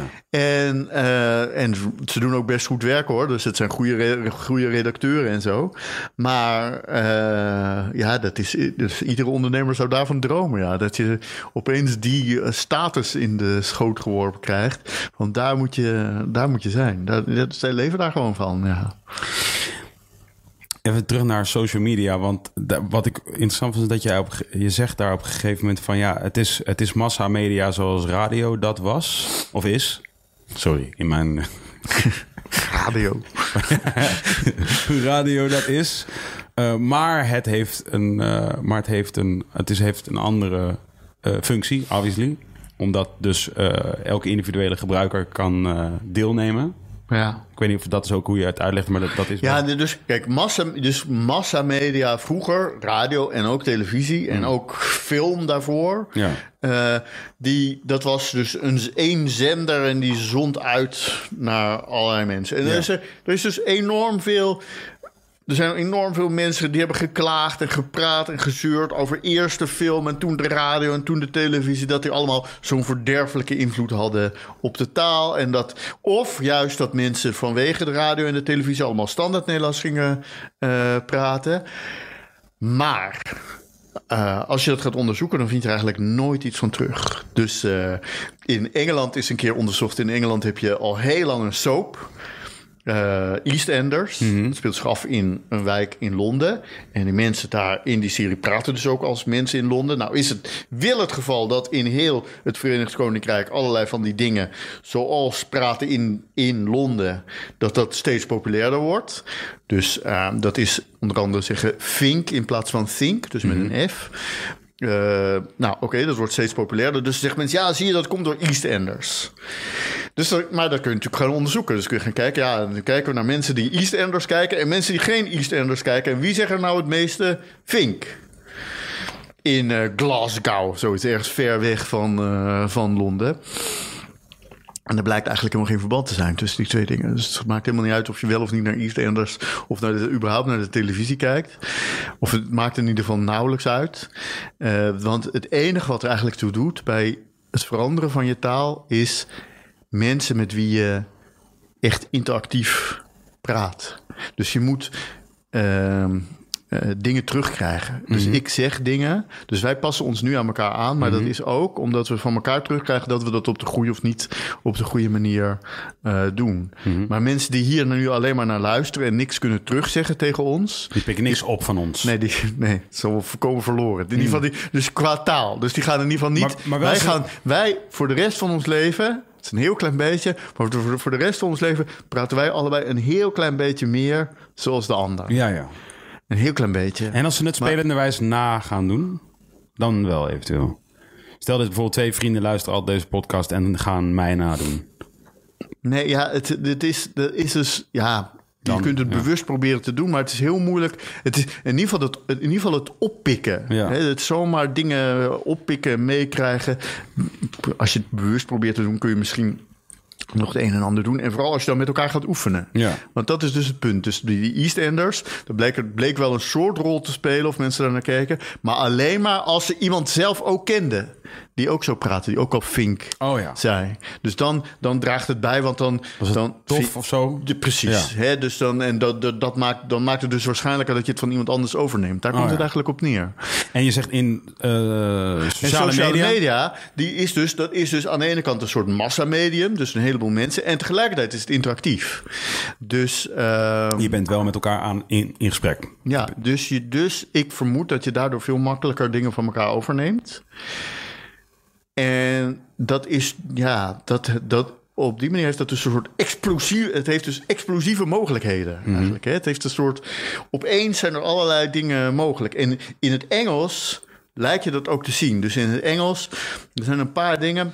Bijvoorbeeld like zeggen. Dat vinden veel mensen. hè, Dus I am like, uh, I want like dit en dat. En then she said like... eh, Ja, het, het grappige daarvan is, dat is al 40 jaar geleden of zo eh, begonnen.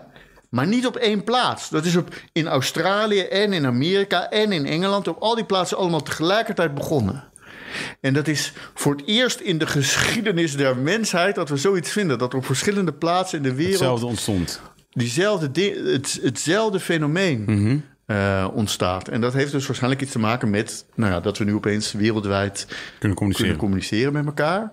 En ik denk dat sociale media dat alleen maar eh, sterker zullen maken. Dat je dan zo snel, razendsnel de hele dag allerlei invloeden kunt ondergaan.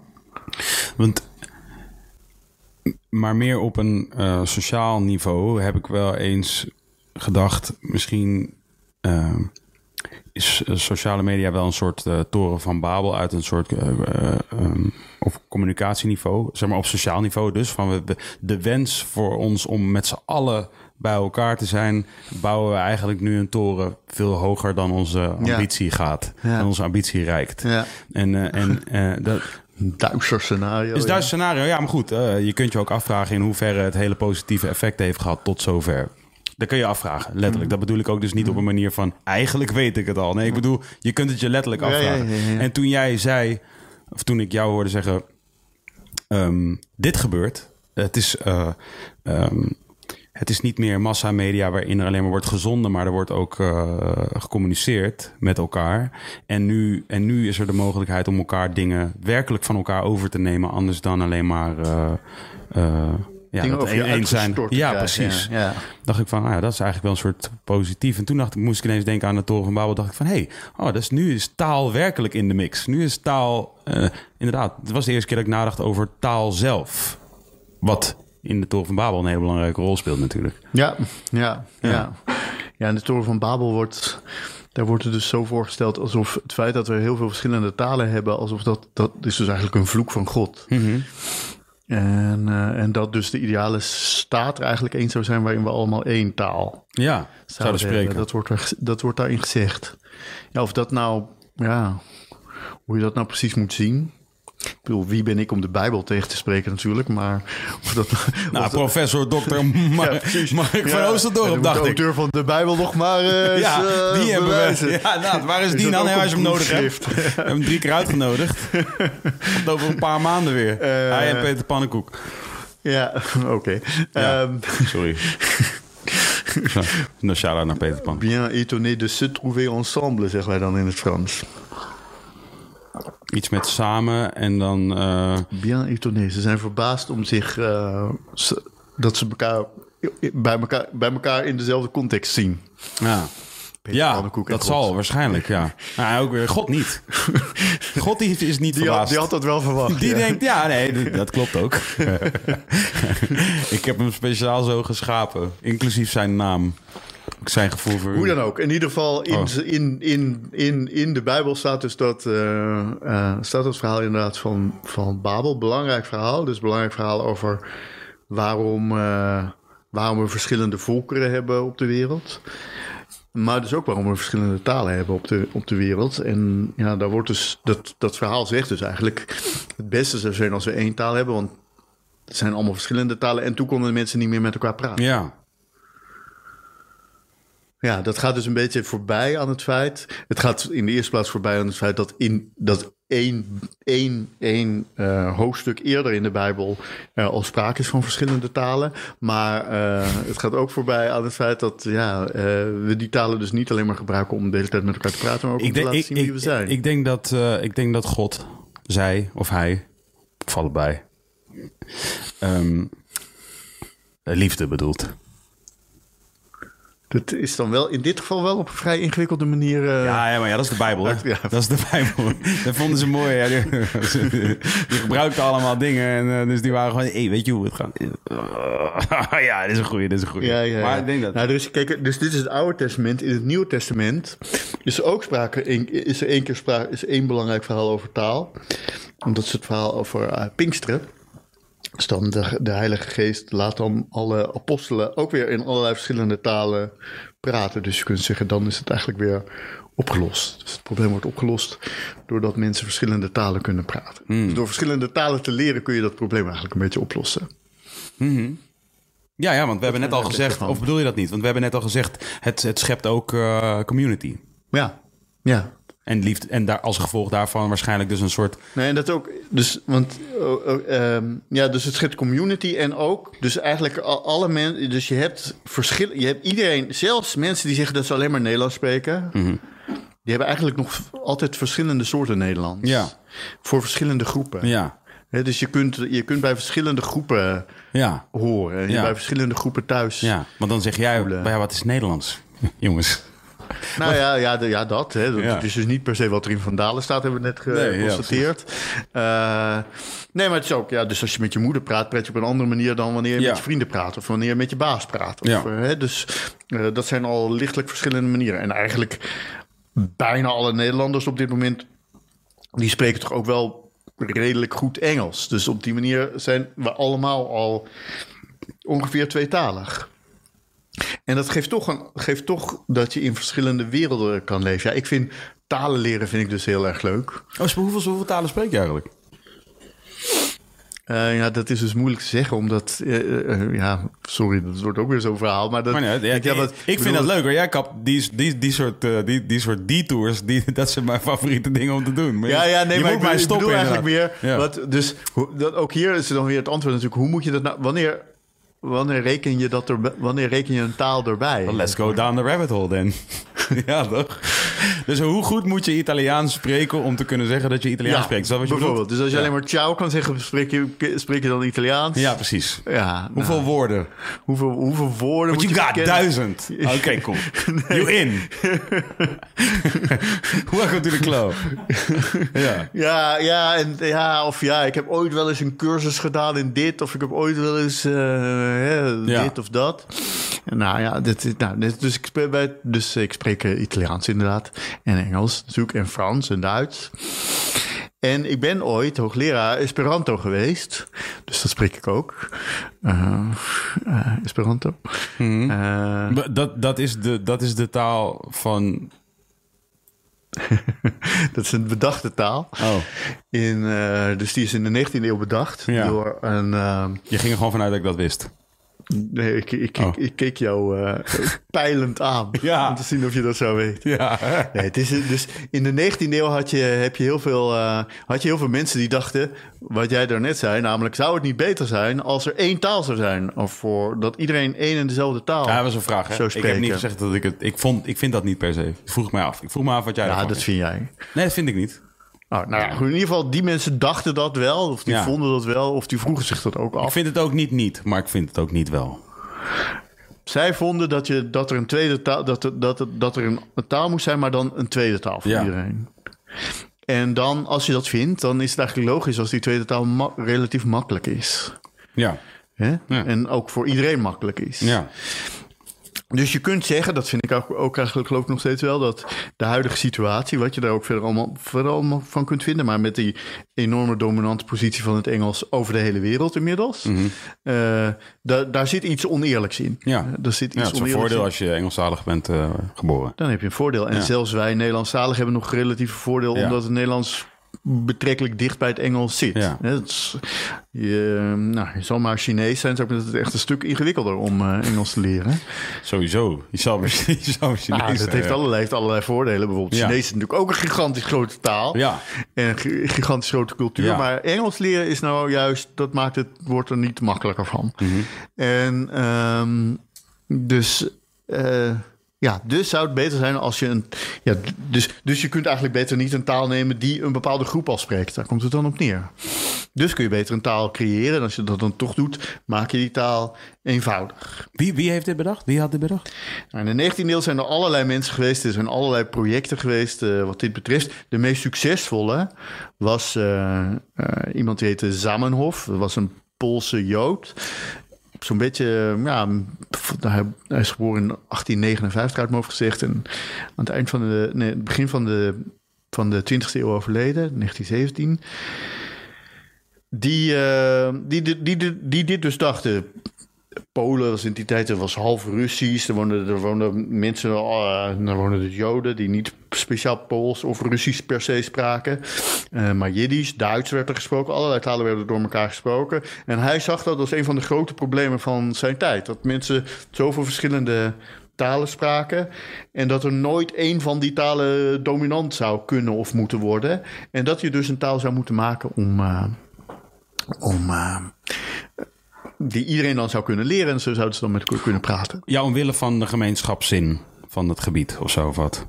Nou, hij, eh, dus toen hij uiteindelijk zijn eerste boekje erover publiceerde, noemde, noemde hij het internationale taal. Dus voor de, Oh, hij wilde de hele wereld Voor de hele wereld, Ja. ja.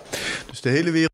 Het leren. probleem ontdekte hij in zijn regio, maar hij dacht... Dit, Hij, hij dit is ermee begonnen als kind, dus het zal eh, Oh op kleine schaal gewoon zijn begonnen. In zijn boomhut. Ja. Nou, heel veel kinderen. Dus hij is er, volgens mij is hij ermee begonnen toen hij een jaar of 10, 11, 12 was. Er zijn heel veel kinderen, vooral heel veel jongetjes, die in die tijd hun eigen taal verzinnen. En hij deed dat dus ook. Alleen hij is ermee doorgegaan, daar komt het op neer. En niet alleen is hij ermee doorgegaan, maar het, eh, ja, het bestaat nog steeds. Hè? Dus het is niet heel erg groot. Maar er is nog steeds een gemeenschap van mensen die die taal op de een of andere, ma- op de een of andere manier spreken. Ik heb het geleerd als kind ook weer, omdat ik dat interessant vond. Maar je hebt het zelf geleerd als kind? Ja, ja. En sindsdien eh, ja, hoort dat een beetje, hoort dat, is dat een onderdeel van mijn eh, leven, zo gezegd. Hoe, hoe, hoe anders klinkt die taal eh, als... eh, hoe anders dan alle andere talen klinkt die taal? Ehm, dus de, de woorden zijn heel erg genomen uit de. ja, ik, ehm, het, het volkslied, de tekst van het volkslied is zoiets als... En la mondon venis nova cento tra la mondo iras forta voco. Dat betekent in la mondon, betekent in de wereld. Venis nova cento. Maar betekent- Mondo is wel gewoon, dat is een ding. Toch? Mondo is een ding. Ja, dat is een wereld. Ja, Monde in het Frans. ja, Venis betekent kwam, nova cento, nieuw gevoel. ja. Ook no, Nova. Ja, cento is Ja. ook eh, sentiment. Eh, dus de meeste woorden komen van eh, Frans, Latijn. Ja. Mensen vinden dat het een beetje op Spaans. Ja. Eh, Ook wel, maar de tongval klonk weer Italiaans, maar dat is misschien ook omdat Dat jij komt Italiaans spreekt. mij, ja. Maar, eh, maar dat, ik denk wel dat mensen dat ook wel zouden kunnen eh, zeggen. Ehm, ja, zo, zo klinkt dat. Maar het idee is dus dat het allemaal simpeler is. Ja. Dat was het idee. Wat, weet, wat weet je over... Ik, er, is een, ehm, er wordt hier verteld door Jana eh, dat er dat is geprobeerd om Esperanto te implement, implementiseren. Nee, Dat, implementeren. Je bent zo dichtbij. Implementisatie. Toch mijn hogeschool moeten afmaken. en dat kinderen die dat leerden, die, de, die uiteindelijk bijna geen Engels meer konden spreken. Weet je daar wat van? Nee, dat lijkt me niet waar. Eh, Ik kon Vals! Er ook niet, ik kon er ook, nee, ik kon er ook niet echt iets over vinden. nee, dat is. eh, dus eh, ik heb zelf ooit onderzoek gedaan naar kinderen die dat als moedertaal leerden, want dat bestaat ook in een hele kleine schaal. Nee, ik lees hier dat, eh, dat er rond de 2 miljoen sprekers nu zijn. Dat, ook dat lijkt me niet waar. Want dat lijkt me. Dat- dat- ja, dit is althans, wel- ja. dit is kijk, wel dan, kom, dan kom je een beetje in die discussie van wie reken je Wanneer dan allemaal- spreek je het? wie- Als je ja, het volkslied kent, ben je er tussen? dan? Nou, twee, ik denk niet dat er 2 miljoen mensen zijn die het volkslied kennen. Dus ik denk dat er 2 miljoen. Er is. eh, je hebt nu van die apps waar je talen kunt leren. En daar zijn dan wel eh, een paar honderdduizend mensen die dat leren. En eh, ja, daar zit het dan ook tussen. Ja, Is, is er aan een 2 soort van community? Is er een soort eh, Ja. aspirantie? Hoe heet die? Hoe heet die mensen? Esperantisten. Ehm, die beschouwen zichzelf niet een volk met z'n allen, eventueel. Er is een heel kleine, er is een heel kleine fractie van een groep die zichzelf beschouwt als een soort supranationaal volk. Oh, dat Ja. klinkt eng. Dat klinkt ongezellig dat in ieder geval. Ik vind dat nogal vreemd. Ik vind het vooral nogal vreemd. Ja, het is Ja. een beetje eigenaardig. Ja, het klinkt ook niet heel inclusief. Het klinkt alsof zij willen dat... er- Nou, nee, ja, weet je, je kunt er natuurlijk gewoon bij gaan horen door die taal te gaan leren en je dan aan te melden als lid van dat volk. Oké, ook, als je, Eh. ook als je gekleurd bent anders dan wit? Want zo ja, klinkt het ja, niet. ja, ja, ja, nee, dat, oh, nee, dat, dat, dat, heeft er niets mee te maken. Nee, nee, Oké. nee, nee, dat is meer. Dit zijn mensen die dan besluiten hun leven op deze manier te leiden. En die daar dan. Het is, dus de geschiedenis hiervan is fascinerend. Hè? Dus, de- dus je hebt dat soort mensen gehad die hebben besloten. dat- nu heb je dat steeds minder. Maar je hebt mensen gehad. Er was, mijn favoriet was een, eh, een Fransman. Een beetje in de jaren 20, jaren 30. Die werd door zijn vrienden genoemd Lanti, omdat hij overal tegen was, de anti. En eh, eh, die op een bepaald moment weigerde, dus die was tegen alles wat nationaal was. Alles, alles. Hij wilde nergens, niets met enige na nazistaat meer te maken hebben. Hij wilde alleen nog maar... Dit was een post-Tweede Wereldoorlog? Alles moest internationaal zijn. Dat was pre-Tweede Wereldoorlog, als ik me goed herinner. En alles moest internationaal zijn. Hij wilde dus, hij was een Fransman, hij wilde zelfs geen, hij woonde in Frankrijk, hij wilde zelfs geen Frans meer praten.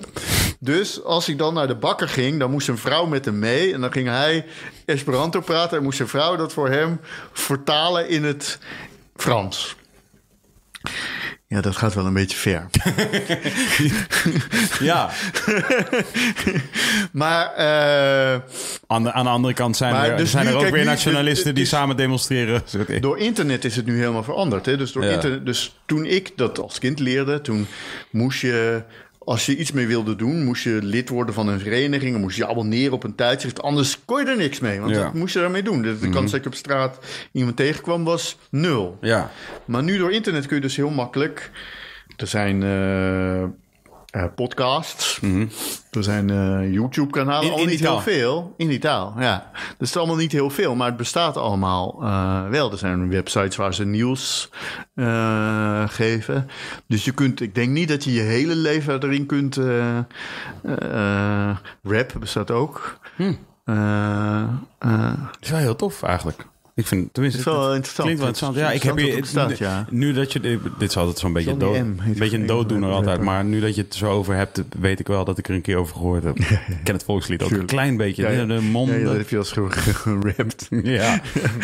het doet me ook een beetje denken aan de herkomst van Bahasa Indonesië. Het ontstaan ervan. Ja, dat, dat, is, dat is waar. Dus de, het, he- daar heeft het in die zin mee te maken dat ook het Indonesisch, ook Bahasa Indonesia, is in zekere zin ook een kunstmatige taal. Ja. Dus het is je, had- wat je had, oorspronkelijk had je eigenlijk alleen maar op alle eilanden. En zelfs op van de grote eilanden had je zelfs op verschillende hoeken van het eilanden verschillende talen of verschillende dialecten van diezelfde talen. Die niet heel veel met elkaar te maken hadden. Eh, in ieder geval zeker niet meer dan het Nederlands met het eh, Noors of zo. En. ehm, daar is op, in, in zekere zin is er op een bepaald moment wel de beslissing genomen van nu gaan we eh, inderdaad een taal maken. En ook Bahasa is ook betrekkelijk eenvoudig op dezelfde manier. Dus heeft niet een heel ingewikkelde grammatica, niet heel veel uitzonderingen en allemaal van dat soort dingen. Ja. Dus het lijkt daar wel een beetje op. Ja. Dus er zijn wel een paar andere voorbeelden van. En het was een soort verdedigingsmechanisme eigenlijk, hè? Om, eh, om, eh, zodat Indonesië, eh, Indonesiërs beter met elkaar konden gaan communiceren, zodat ze niet zo makkelijk zouden worden gekolonis- eh, gekolonialiseerd. Gekolonialiseerd. Gekolonialiseerd. Ja, ja, Gecola. Ja, nou eh, Cola-vis. Ja, dus, en dat, dus het, ehm, ja, ja, precies. In ieder geval, dus belangrijk is dan samen. Dus, dus Mhm. Makkelijk samenwerken, ja. En ook denk ik niet per se het opgeven van je, van je eigen taal. In ieder geval niet in eerste instantie. Nee, maar een tweede makkelijke taal. Een tweede makkelijke taal. Er zijn wel meer plaatsen op de wereld waar dat is gebeurd. Maar inderdaad, dus Indonesië is daar een heel goed voorbeeld van. Wat weet je over het Baskisch?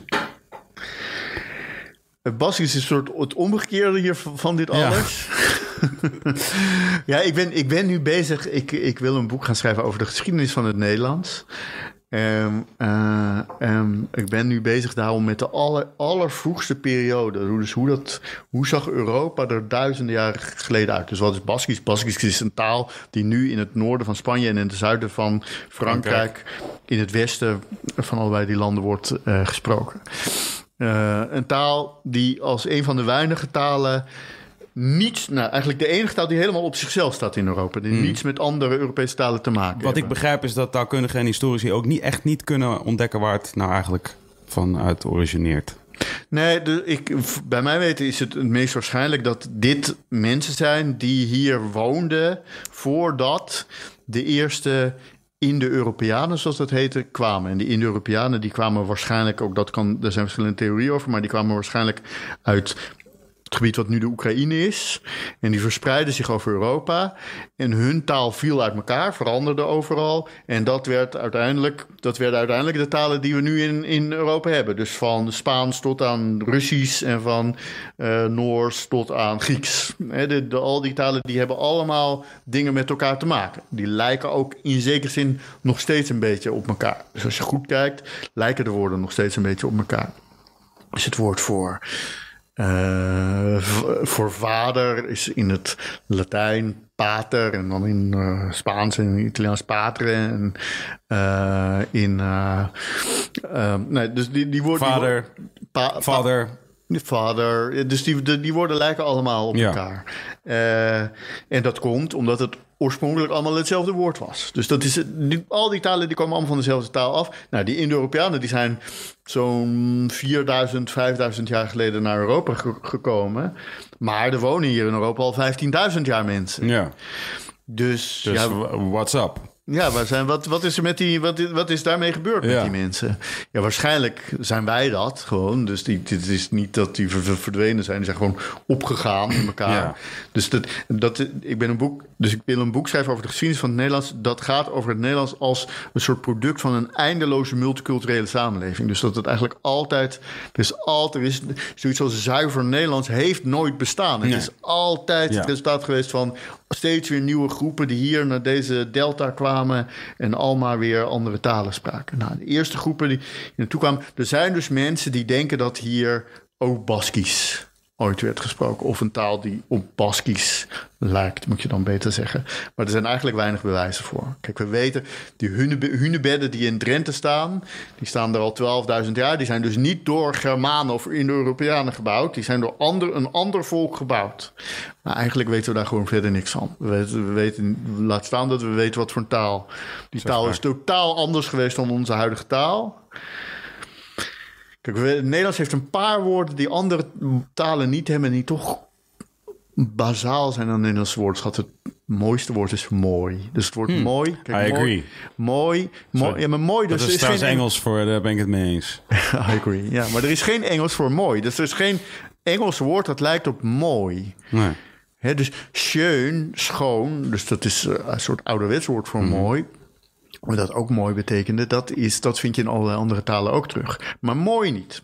Nou, De klank niet. dus, dat, De kla- de- dus de die samenstelling. klank die dat betekent. En ook niet iets wat daarop lijkt. Dus pater en vader, dat zeggen we dan, dat is Mhm. Ja, toch nog ja, hetzelfde woord. Want dat duidelijk, lijkt ja. wel ongeveer op elkaar. En dat kun je ook wel Die ongeveer AE begrijpen hoe lettergrepen, dat- ja. ja, hoe dat de een in het ander veranderd is, dat kun je wel ongeveer begrijpen. Maar er is gewoon voor mooi is er geen equivalent. Nou, Hm. Misschien is dat dus wel een woord dat die Germanen die hier kwamen Hm. van dat volk hebben overgenomen.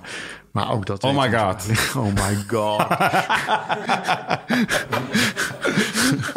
Awkward. Maar ik vind, ik, dus ik vind, het, ik, dit, ik vind het echt waanzinnig interessant. Dus ik ben daar nu heel erg mee bezig om dat, dus daar terug te kijken. Wat is nou. Dus, wat, dus mensen verlangen daar dus nu, nu naar terug. Verlangen, mensen, mensen verlangen terug naar een soort puur Nederland van vroeger. Hè, toen alles nog iedereen hetzelfde was. En dat geldt dus ook voor de taal. Ja. Maar dat heeft gewoon nooit Sorry, bestaan. mensen. Heeft- sorry naar die mensen. Sorry, Ja, maar sorry dat ik besta. so- nee, ja, maar sorry dat ze zelf ook bestaan. Want het heeft gewoon...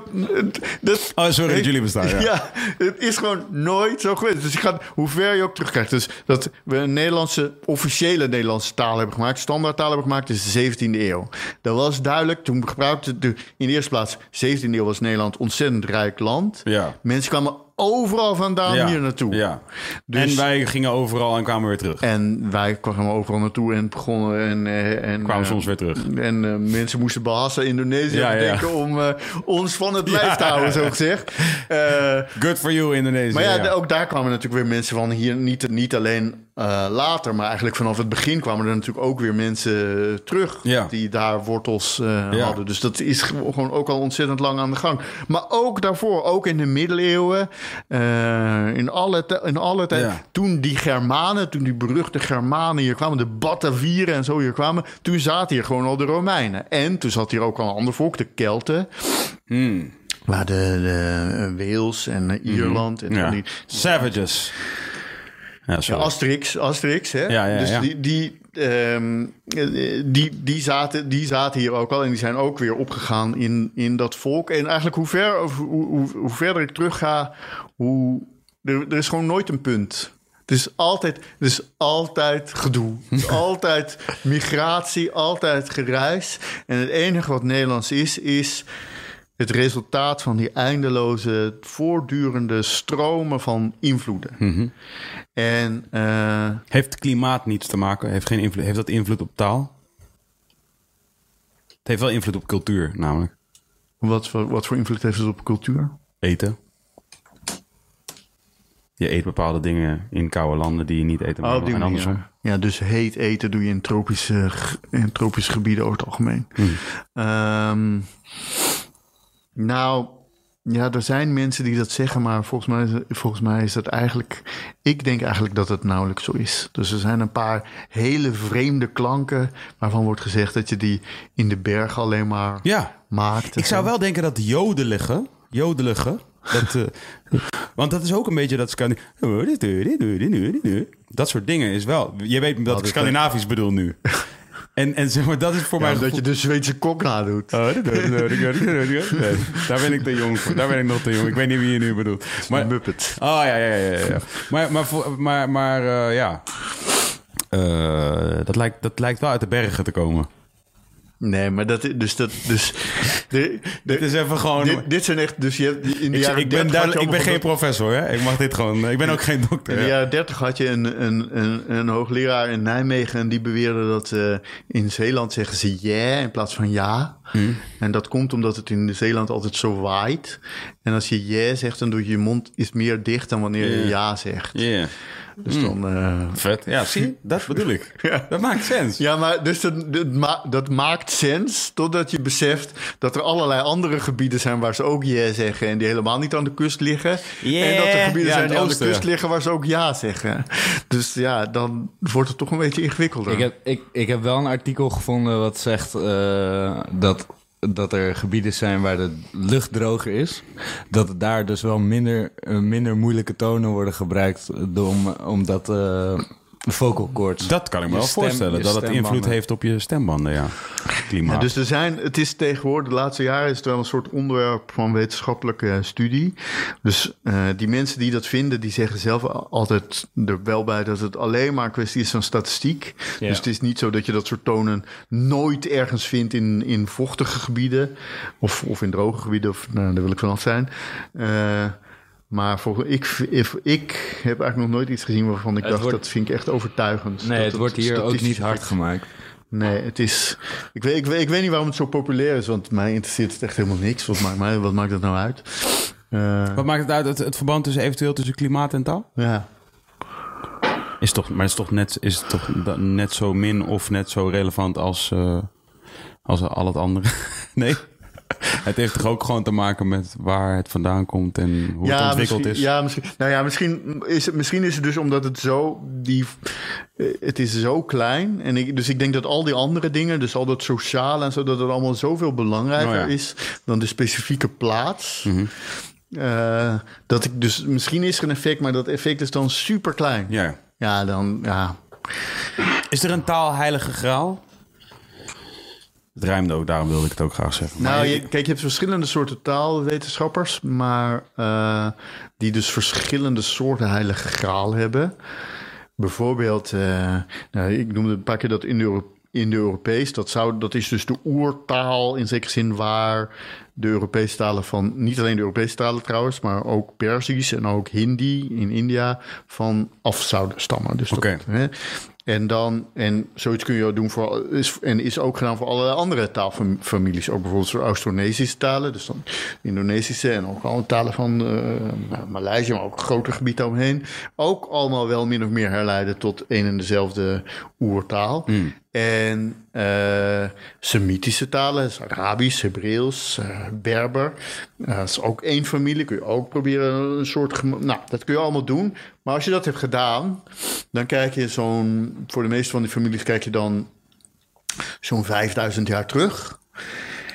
Dan kun je denken, ja, kunnen we nog verder gaan? Kunnen Ja. die families misschien niet ook nog weer... Verwant zijn. Ja, dus dat is, ik denk dat dat op zichzelf niet onwaarschijnlijk is. Ja. Dat de mens komt uit Oost-Afrika waarschijnlijk. En ik denk dat de eerste mensen eigenlijk al wel konden praten. Dus dat, dat uiteindelijk alle talen op een bepaalde manier heel ver verwant zijn van elkaar. Dus dan zeg je de heilige Dus de eerste mensen konden al praten. Denk eh, ik. Ja. Kan ik niet bewijzen, maar dat Nee, nee. vermoed ik. Dus, maar Ja, ik denk dat omdat wij zo...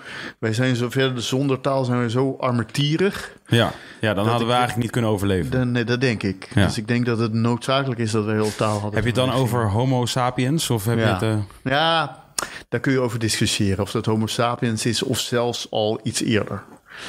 Ehm, Dat wordt van de Basken wel eens gezegd, hè? Dat het een soort van... En dat, is, dat ervaren zij zelf als beledigend. Wat ik ook wel ik kan op zich wel begrijpen, maar... ja, dat lijkt me ook onzin. Want je hoeft gewoon niet... Kijk, die, die, die Basken die woonden hier... Dus toen die Indo-Europeanen hier kwamen... Dat is, dus, ja, nou, toen ze hier... Dus dat ze hier in Nederland kwamen, zeg maar... Dat is... eh 500 voor Christus, zo'n beetje op, op zijn vroegst. En dan tot Nou en dan tot met, nou dan eigenlijk tot met nu natuurlijk. Eh, in Spanje was het misschien iets eerder, maar ja, niet eerder dan eh, 2000 voor Christus. Dus toen woonden zij daar. Ja, dat was niet eh Neandertaler tijd. Nee, nee. Dus dat is gewoon te, op zichzelf te kort geleden. Dus die, die mensen, dat, dat waren waarschijnlijk al, toen waren het al homo sapiens Ja. eh, mensen. Of de Neandertaler kon praten, weten we niet precies. Dus die... eh, Maar de taalheilige graal is dus de bron en niet bijvoorbeeld... Nee, dat is één bron. Dus ik zou mezelf eigenlijk reken- meer rekenen tot eh, eh, voor mij is eigenlijk wel de diepste vraag, de vraag waar ik het liefste antwoord wil hebben, die waarmee we begonnen. Namelijk, hoe is het mogelijk dat een, een kind zoiets dat zo ingewikkeld is, waar zoveel regels, ongeschreven regels voor zijn, dat allemaal binnen een paar jaar tijd oppikt? Ja. Hoe is dat mogelijk? Hoe weet je hoeveel, hoeveel woorden een kind eh, gemiddeld zo eh, leert in een paar jaar? Nou ja, de- in de eerste plaats is woorden is dus maar één van de vele weinige dingen, een van de vele dingen die je moet leren. Ja, je ja. moet ontzettend veel verschillende en, Ja. en woorden zijn misschien nog wel het simpels. Ja. Er is een periode waarin in kinderen, geloof ik, nou ja, echt tientallen woorden per dag eh, leren. Een, kort, een korte Ja. periode. Dus een soort explosie van, van eh, woorden. Uiteindelijk kent een mens eh, dus een, eh, eh, een gemiddelde Nederlands mens kent 30.000, 40.000 eh, woorden. En Als je, nou ja, als je heel geleerd bent, ken je er 60.000, zou ik maar zeggen. Als je heel weinig ontwikkeld bent, ken je dus in dat, dat, is een- dat is een beetje de, de bandbreedte. Ja, die heb je dus in de eerste paar jaar van je leven allemaal geleerd. Ja, maar daarnaast je- heb je dus leren praten. Je hebt al die, die, die discussie. ehm, trucjes geleerd. Je hebt geleerd eh, om zinnen te maken. Hè? Je hebt geleerd om eh, eh, te doen wat ik nu, nu doe, iets met mijn, met mijn melodie of die zinnen te leggen. Hè? En, en daarop te letten bij andere mensen. Al die dingen die, waarvan wij taalkundigen de meeste van die dingen nog steeds niet hebben, precies hebben beschreven. Niet precies weten hoe dat zit. Hoewel het Nederlands waarschijnlijk een van de best bestudeerde talen eh, ter wereld is. Waarom is dat? Omdat er in Nederland altijd ontzettend veel mensen zijn geweest die hiermee bezig zijn geweest. Maar dat, dat, moet, dat, dat moet toch ook soort. Dat moet ergens in ons. Dat moet dan iets van cultureel bepaald zijn, toch? Een reden waarom we dat zo graag willen doen. We zijn niet per se zelf ingenomen als volk, toch? Nee, nee, ik denk, ik denk eigenlijk dat het daar misschien wel iets mee te maken heeft. Dus dat, eh, nou even al, los van of wij zelf ingenomen zijn als volk, is het Nederlandse volk nooit bijzonder trots geweest op de Nederlandse taal. Dat is niet een Nee. soort eh, kenmerk van Ja. Nederlands. Het is ook, eh, nou, we hebben nu een paar keer Indonesië genoemd.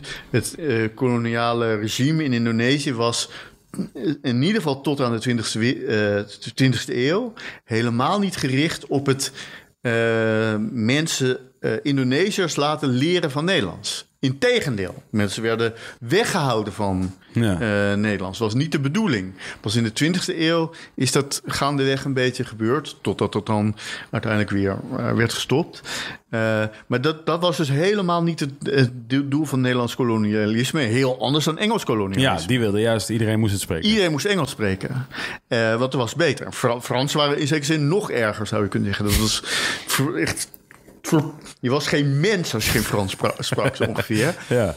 Ehm, maar Nederlanders hebben dat idee dus nooit gehad. Daar komt ook weer, daar komt dan aan de andere kant apartheid uit voort, zou je kunnen Ja. zeggen. Hè? Dat, dat betekent, ja, jullie, jullie doen alles in je eigen taal en in je eigen thuisland en zo. Mhm. het, is dus, het is niet per se goed dat wij zo hebben gehandeld. Maar het is de Nederlandse manier. En die is dus niet een van trots op de taal. In andere landen was taalkunde vaak dus laten zien hoe voortreffelijk het Frans is. Hoe geweldig diepzinnige gedachten je kunt uitdrukken in het Frans Ja. of in het Duits. Ja. En dat hebben wij nooit gehad. En dus hebben we denk ik een wat objectievere manier gehad om naar de Ah. eh, taal te kijken. Dat is denk ik eh, eh, een aanleiding voor. Nou ja, dus het resultaat daarvan is dat het Nederlands een, echt een van de... Engels is misschien nog iets beter bestudeerd, misschien ook niet. Maar dat, dat is echt zo'n beetje... Nederlands staat echt wel in de top 5, zou ik maar zeggen. Specifiek door Nederlanders of ook door landen, andere landen die het Nederlands? Andere men- mensen uit andere wel landen die het vooral door Nederlanders, maar ook wel door anderen. Ja, ja. Ja, er zijn op dit moment zijn er zeker op meer mensen op buitenlandse universiteiten die Nederlands bestuderen dan in Nederland. Ehm, maar dus ook al, is dat al, ook al is dat dus gebeurd en zijn er dus eh, ja, tientallen, honderden mensen eeuwenlang bezig geweest met proberen op te schrijven wat, hoe het Nederlands precies in elkaar zit. Dat is nog steeds niet compleet. En dat is nog steeds niet zo compleet als willekeurig welk kind, willekeurig welk kind in de eerste vier jaar van zijn leven allemaal kan leren. Maakt dat ook niet uit of dat kind niet hier geboren is? Dus een kind wordt geboren in India, wordt geadopteerd bij wijze van spreken, komt hier wonen, is drie of twee. Wanneer, wanneer begin je te leren met taal? Twee? Eén? Anderhalf? Nou, je begint in zekere zin... Eigenlijk van taal begin je al in je moederschoot. Ja, ja, ja precies. Dus we weten dat kinderen die net geboren zijn... die luisteren al beter naar hun moedertaal dan naar een vreemde taal. Ah, ja. Dus als een, een volkomen vreemdeling binnenkomt die twee talen spreekt... als hij de moedertaal spreekt, letten die kinderen beter op... dan als hij een vreemde taal spreekt. Dus zijn ze Hmm. Vanaf in de moedertaal al bezig geweest om op te letten daarop. Mhm. Eh, dus in die zin speelt het een beetje een rol. Maar aan de andere kant, als kinderen jong genoeg zijn... dan kunnen ze nog iedere taal Ja. vloeiend leren. Dus geadopteerde kinderen, die Ja. zijn over het algemeen... Ik wilde daarover zeggen, volgens mij, ik, ik, ik, een van mijn beste vrienden is geadopteerd. En eh, in mijn ervaring zijn eh, adoptiekinderen in Nederland heel vaak heel goed in de taal. Heb ik het gevoel, maar dat is ook, maar dat is echt. Dat Ja, ik denk niet dat ze per se beter zijn. Ik denk, ik denk niet dat er een reden is om dat te denken. Maar ze zijn ook niet slechter. Nee. En eh, er is wel eens onderzoek gedaan naar Koreaanse kinderen specifiek. Dus uit Korea, Korea geadopteerde kinderen. En dan blijkt dat ze, als die later op volwassen leeftijd Koreaans willen leren... Dus die zijn al op twee, driejarige leeftijd zijn ze hier naartoe gekomen. Dan hebben ze, als je twee, drie bent, dan kun je al praten. Ja, dan eh, het is nog niet helemaal perfect, maar dan kun je al praten. Kun je wel eenvoudige zinnetjes maken. Dat vergeet je dan eigenlijk weer. Dus het is eh, Koreaans leren is voor als je dan volwassen bent, is ook nog steeds heel moeilijk. Maar het is een heel klein beetje makkelijker. Je bent alles vergeten, maar toch is het iets makkelijker dan eh, voor eh, niet in Korea geboren Nederlandse eh, kinderen. Maar een vreemde taal, dus min of meer tot je puberteit. Dus in je puberteit gebeurt er iets in je hersenen waarschijnlijk. Tot je puberteit kun je eigenlijk iedere taal eh, moeiteloos zo oppikken. En daarna is dat afgelopen. Dus dan er zijn een paar genieën of mensen die een soort speciaal talent hebben die dat dan nog steeds kunnen. Maar voor 99% van de, van de wereldbevolking geldt, daarna wordt het nooit meer zoals het was toen je als kind was. Het wordt altijd, je moet er in ieder geval keihard voor werken. Je moet er dingen uit je hoofd leren, eh, regels en eh, al die dingen uit je hoofd leren. En de meeste mensen bereiken desalniettemin nooit het niveau van een, eh, van een moedertaalspreker. Dus het is ook, taal is dus kennelijk ook iets wat, je, wat ook echt gemaakt is om echt als kind te leren. Ja. Je kan niet, eh, er is dus Je gaat kennelijk... het nooit meer zo goed leren als toen. Nee. En terwijl dus de, de, kijk, de grootste deel van de wereld wordt meer dan één taal gesproken. Ja. Gewoon in de, in de samenleving. Ja. Dat is eigenlijk de normale stand van zaken. Ja. Dus, eh, dus thuis spreek je een andere taal dan op de markt. En op school spreek je nog weer een andere taal. Dat is eigenlijk hoe het is. En de meeste mensen hebben ook daar geen enkel probleem mee. Dus je hoeft er helemaal niet slim voor. Het gaat helemaal niet om dat je daar slim voor bent. In dat soort samenlevingen doet iedereen dat eigenlijk. Dus je schakel je gewoon moeiteloos over naar. Dus menselijke hersenen lijken zelfs eigenlijk geschikt te zijn om meer dan één taal te leren. Maar je moet ze wel allemaal voor je puberteit eh, leren. Vraag me dan af, is, is het ooit wel eens ter sprake gekomen om vanuit, laat ik zeggen, vanuit onderwijs te zeggen van, nou, we, gaan, we, gaan, eh, we gaan al onderwijzen, Ja, ja, ja. ja, op die Ja. leeftijd? Ja, dat, dat, dus dat is wel de reden waarom er, dat, er is aangedrongen om eh, Engels bijvoorbeeld ook op de basisschool Ja. eh, Ja, het lijkt me dan, leren. zou ik dan denken. Zeker omdat die kinderen zijn toch helemaal niks aan het doen de hele dag. Als, je, als, je twee, als je twee en drie bent, laat die kinderen, laat ze gewoon meteen pap, vijf talen. Hats. Ja, nou ja, kijk, de, um, ja, er zijn wat praktische problemen. Want hoe ga je dat dan precies doen? Want ook die kinderen, dus het, het gaat om, het is dus een kwestie van oppikken. Dus er moeten talen eh, zijn. Maar als je ouders hebt die allebei een verschillende taal spreken, en die dan onderling nog weer een derde taal spreken, dan is dat over het algemeen voor de kinderen geen probleem. Dus die leren dan gewoon drie talen. Ja, ik bedoel meer gewoon als je bijvoorbeeld... Ik denk dat nu heel veel kinderen eh, op, je- dus al in eh, van die dagverblijven blij- blijven, toch? Als ze, jong, als ze jonger zijn dan dat ze naar school gaan. Dus begrijp ik bedoel. Ja, gooi ze naar een Engels kinderdag. Bijvoorbeeld, ja. Of nog, een, of, nog inge- of nog ingewikkelder. Of, dat zou misschien wel gat in de Chinees. markt. Ja, Ja. precies. Ja, Zoiets lijps. Ja. Ehm, ja, nou, ik denk, ik denk dat veel mensen daar bang voor zouden zijn, maar ik, ik vermoed dat dat niet nodig is. Nee, sowieso niet nodig. Er leven ook mensen die alleen maar Nederlands spreken in principe. Nee, nee, ik bedoel dus om. Oh, niet dus nodig om er bang voor te zijn. Oh, sorry, ja. Dat het niet nodig is om er bang voor te zijn. Nee, toch? Ja. Nee. Nee. waarom zou ja, ik, ik denk zeker in deze tijd van als jij wil dat je kind succesvol is, is het wel handig om Chinees lijkt me een goede bijvoorbeeld. Ja. specifiek. Engels gaat er wel in, dat komt er Ja, sowieso wel Engels in. is niet nodig, je Nee, precies. Nee. Chinees erbij, bam. Nederlands. Engels, Chinees. Ja. Bang, nou jij weer, bro. Ja, ja, ja, ja, ja.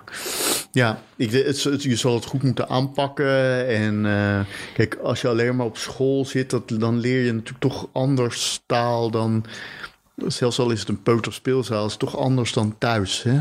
Ja, maar ik, je, wel je, kent dat trucje dan ook waarschijnlijk wel van als je dus inderdaad op latere leeftijd taalkursussen doet, dat ze dan zeggen label alles in je huis, weet je wel.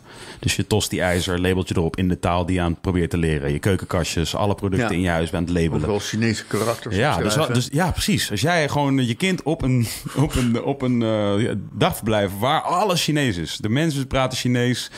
Eh, alles is in het Chinees. De, de taal, eh, gewoon alles. Zelfs de cultuur zou je kunnen zeggen. Ja, ja nee, dus, nou, nee, nee. Oh, dus als je het zo zou aanpakken, dan zou dat zeker werken. Ja, toch? Ja, ja, dat denk ik wel, ja. ja. Ik ga dit doen. Ik- I- found in de markt. Ja. Maar ben je, ben, je, ben je bezig geweest met die Heilige Graal? Want je, ja, ik bedoel, je bent er vast mee bezig geweest. Maar je zegt nu, je gaat, bent nu een boek aan het schrijven over... Over de eh, geschiedenis. Ja, maar, maar, maar ben je ook dat wat je zegt van nou, dit lijkt mij, dat is de vraag der vragen. Heb je die, heb je die, heb je die, on- heb je die onderzocht? Eh, nou ja, dus ik denk dat dus al deze heilige, allebei deze heilige gralen, en er zijn er meer, eh, dat zijn allemaal van die vragen die zo ingewikkeld zijn dat je eigenlijk denkt, ja, dat ga, ik ga dat niet meemaken dat dat wordt opgelost. Er zijn zoveel kleine puzzels die je eerst moet, eh, daarvoor moet eh, oplossen, voordat we een beetje, dus, eh, een beetje daaraan ooit zullen kunnen toekomen. En ehm, ja, dat, ik vind het ook niet erg, geloof ik. Eh, maar zo. Dus in het dagelijks leven ben je eigenlijk altijd hele kleine dingen, als onderzoeker altijd hele kleine dingen aan het onderzoeken. Heel klein gepruts is het, zeg maar. Maar dat staat, het is alleen maar dat je weet, dat staat uiteindelijk ten dienste van die grote vraag. Dus bijvoorbeeld, ik ben heel erg geïnteresseerd in klanken en in. ehm, ja, dus de manier waarop woorden in elkaar zitten qua klanken. En, eh, en wat mensen daar dan weer over weten. En wat mensen, daarvan, wat mensen daar dan mee kunnen. Dus dat als je zomaar een willekeurige rij klanken zegt... dan denk je niet per se dat het een Nederlands woord is. Maar van sommige rijen klanken denk je dat misschien wel. Ook al is dat helemaal geen Nederlands woord. Hè? Eh, nou, hoe, hoe kan dat dan? Dus je weet bepaalde dingen over hoe, zit een, hoe, zou, hoe kan een Nederlands woord er eigenlijk in elkaar zitten. Dat weet je. Daar heb je ook kennis van. Ja, dat is wat ik onderzoek. Ja, dat is heel ver weg eigenlijk van die grote vraag. Maar draagt er uiteindelijk wel aan bij. Ja, vet. ja, ik vind dat specifiek met, met want baby's, dus ik, ik kreeg onlangs ook mee dat een baby in eh, een, eh, als je een jong, bijna alle, of volgens mij alle jonge dieren die je in het, ja, behalve dan eh, waterdieren, maar bijvoorbeeld een aap, als je een aap in het, een jonge aap in het water gooit, dan verdrinkt hij direct. En een, Leuke een, experimenten. een mensenbaby dus niet, Ja, naar het schijnt. ja. Ja. Ja, er zijn mensen die, die denken dat dat betekent dat wij ooit in het water, of bij het water zo hebben geleefd. Dat weet ik, ja. Ja. Maar dat heeft denk ik niet zoveel met taal. Nou, het heeft één ding wel met taal te maken.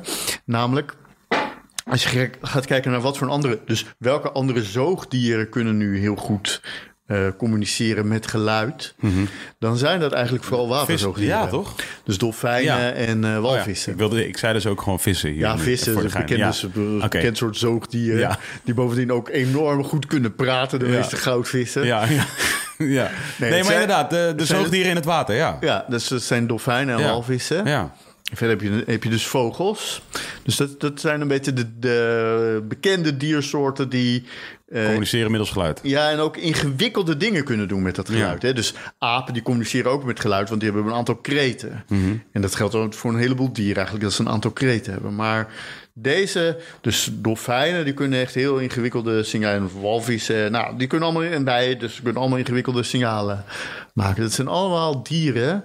Het zijn dus niet voor niks waarschijnlijk zoogdieren die in het water leven. Want het zijn allemaal dieren waar, iets, die iets, waar ooit iets bijzonders met de ademhaling Is gebeurd, ja. is gebeurd. Ja, want dat heb je natuurlijk nodig. Je hebt, je, je, moet je, controle, je hebt een soort controle nodig over je ademhaling. Om te kunnen praten als dier. Want ja, dat is wat ik nu aan het doen ben. Ik ben niet zomaar spontaan aan het ademhalen, maar ik zorg dat ik op de juiste moment heb. Ja, als je erover gaat praten, dan wordt het, heel, wordt het steeds moeilijker. Ja, dat is... Maar ik zorg dat ik op de juiste momenten inadem, zodat ik op mijn uitademing Ja. weer kan praten. En dat ook ongeveer op het juiste moment klaar ben met mijn zin als ik geen adem meer. heb. maar dus ik kan alleen maar praten omdat ik mijn ademhaling onder controle heb, min of meer. En je hebt dus, die, dus je hebt dieren nodig die hun ademhaling onder controle hebben. En dat dus in het water, als zoogdieren in het water gaan leven, helpt daar in ieder geval wel bij. Je zegt dat jij een boek aan het schrijven bent. Ja. Ehm, en, en dat gaat dan specifiek over de herkomst. Maar je bent, over, of tenminste, dat is een, een zoals je het in de, in de film zou je dat een origin story. dat, ben je Ja. aan het, dat ben je aan het maken. Ja. Maar ehm, eh, je bent ook actief op YouTube en op eh, Ja. social media. YouTube vooral. Of is YouTube sociaal, vind je? Dat kan ook. Nee, YouTube is niet sociaal, want dat gaat dus maar één kant op. Nee, je kan commenten. Ja, je kan commenten. Ja, ja oké. Maar eh, eh, wat is jouw ambitie daar? Heb jij, want, want ik kan me ook voorstellen dat je denkt, ja, dat is eigenlijk. Als, het jou, als jij zo met die klanken en al die dingen bezig bent, dan is dat eigenlijk de leukere plek om te doen wat jij doet. Ja, dat, ik doe dat ook denk ik meer inderdaad. Ehm, maar ik vind het soms... Dus ik vind dit... Dus dit, dit specifieke onderwerp vind ik dan juist ook wel weer heel erg leuk. En dat, dat gaat over zo'n grijs verleden... dat er eigenlijk helemaal niks van klinkt. En dan vind ik het ook wel leuk om het... Ik vind het ook gewoon leuk om op te... Ik vind lezen en schrijven vind ik ook nog steeds leuk. Dus Ja. dat vind ik ook leuk om te doen. Eh, bovendien ben ik natuurlijk in dienst als onderzoeker. En YouTube-filmpjes tellen niet als publicaties voor wetenschappers. is eigenlijk... Ja, maar echt. Hoe lang duurt dat nog, denk je? Is wel gek eigenlijk, toch? Is het gek of niet? Ja.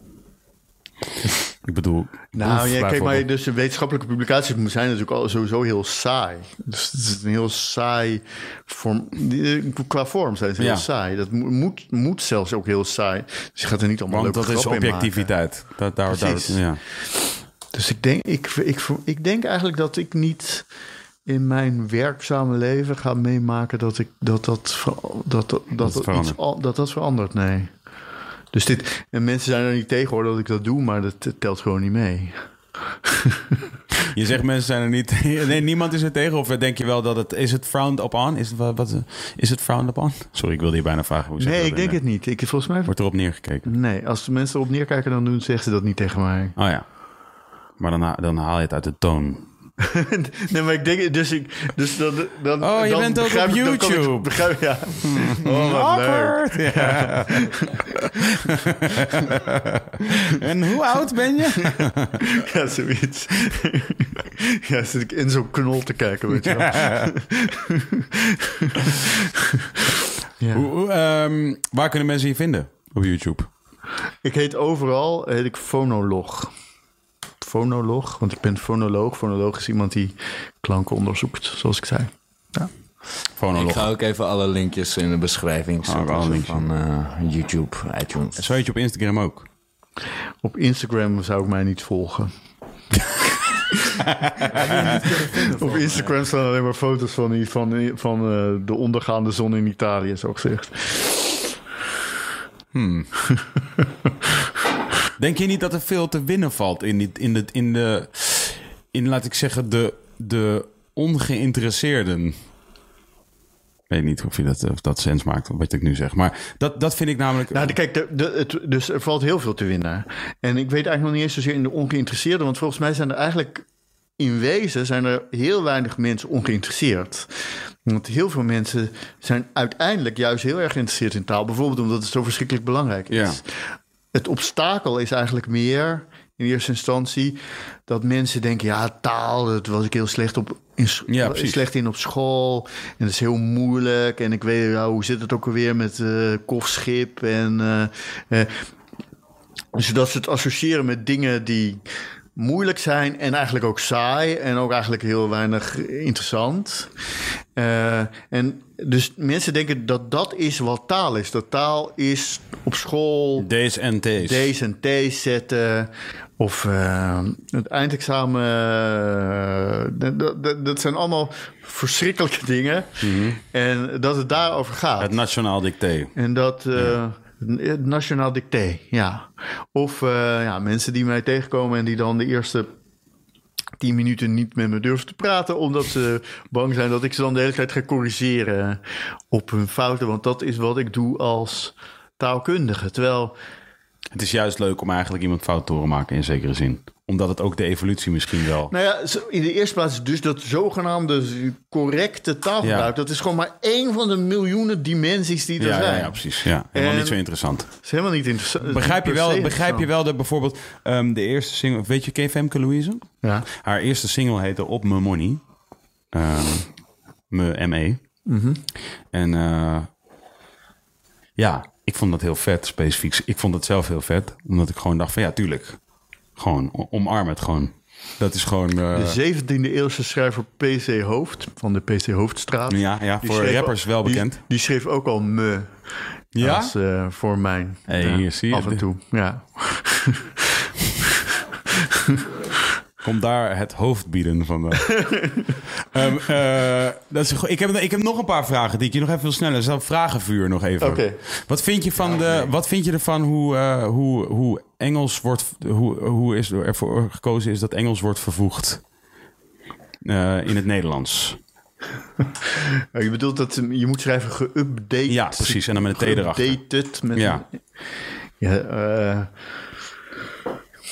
ja, wat vind ik daarvan? Ja, wat vind je daarvan? vind je daar iets Ze, van? doen- ze doen maar. Als ik er maar niet aan mee hoef te doen. Nee, je doet er niet aan mee. Nee, nee, Je doet niet geüpdate met een T erachter. nee. Nou ja, kijk. De in sommige- geüpdate- In, som- in sommige omstandigheden moet het natuurlijk. Hè? Dan word je, ik ben bijvoorbeeld als hoogleraar ben je uiteindelijk ook ambtenaar. Als ambtenaar word je geacht aan die enige wet houden die er is, de spellingwet. Dus als ik een officieel stuk schrijf, zal ik het zo moeten... Mhm. Ja, maar op Instagram bij een, bij een bij- op Instagram... bij- Ik heb mijn Instagram geüpdate. Nieuwe ondergaande zon. Nee, dat, dan schrijf ik geüpdate met D-E-E-T. Oh, echt waar? Je bent er zo in. Een foneet. Oh ja, natuurlijk. Ja. Ah ja, hey, hey, wow. Ja, alles alles valt een beetje in elkaar in dit vragenvuur. Ja. Wow. Oké, dat was vraag 1. dan, waarom heeft Nederlands een beleefdheidsvorm? In tegenstelling tot het Engels. Ja, het Engels heeft eigenlijk zijn beleefdheidsvorm verloren in Oh. de loop van de tijd. Dus Engels had vroeger een verschil tussen you en thou. Oh ja. En thou was, eh, en da- thou was de informele vorm. Ja, where art thou? Precies. En dat is gaandeweg verdwenen. Dus dat is hetzelfde als doe in het Duits. Mhm. En dat is het ook du. Eh, ja, het Engels heeft dat verloren. Dus dat is dan eigenlijk de vraag. Waarom is het Engels het verloren en het Nederlands niet? Mhm. En eh, het Engels heeft meer verloren eigenlijk dan het Nederlands niet heeft verloren. Dus het Engels heeft bijvoorbeeld dus we, we- het verschil tussen eh, mooi en mooie. Een mooi huis, een mooie jongen. Ehm, dat verschil heeft het Engels ook, ook niet meer. Het is gewoon het is altijd, het is, alles is nice, beautiful. Dus je niet beautiful, beautiful. eh. Oh, er ja. zijn geen verbuigingen meer daarop. Werkwoorden zijn ook veel eenvoudiger. Dus in het Engels een, heel- zijn een heleboel dingen van de grammatica veel eenvoudiger geworden.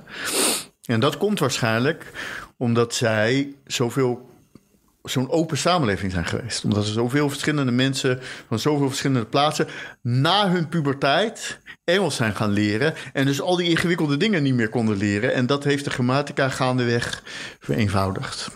Dus als Nederlands lang genoeg open genoeg blijft, dan gaat u ook vanzelf verdwijnen. Ik leerde onlangs ook dat schelden komt uit een ander deel van je hersenen dan alle andere taal. Ja.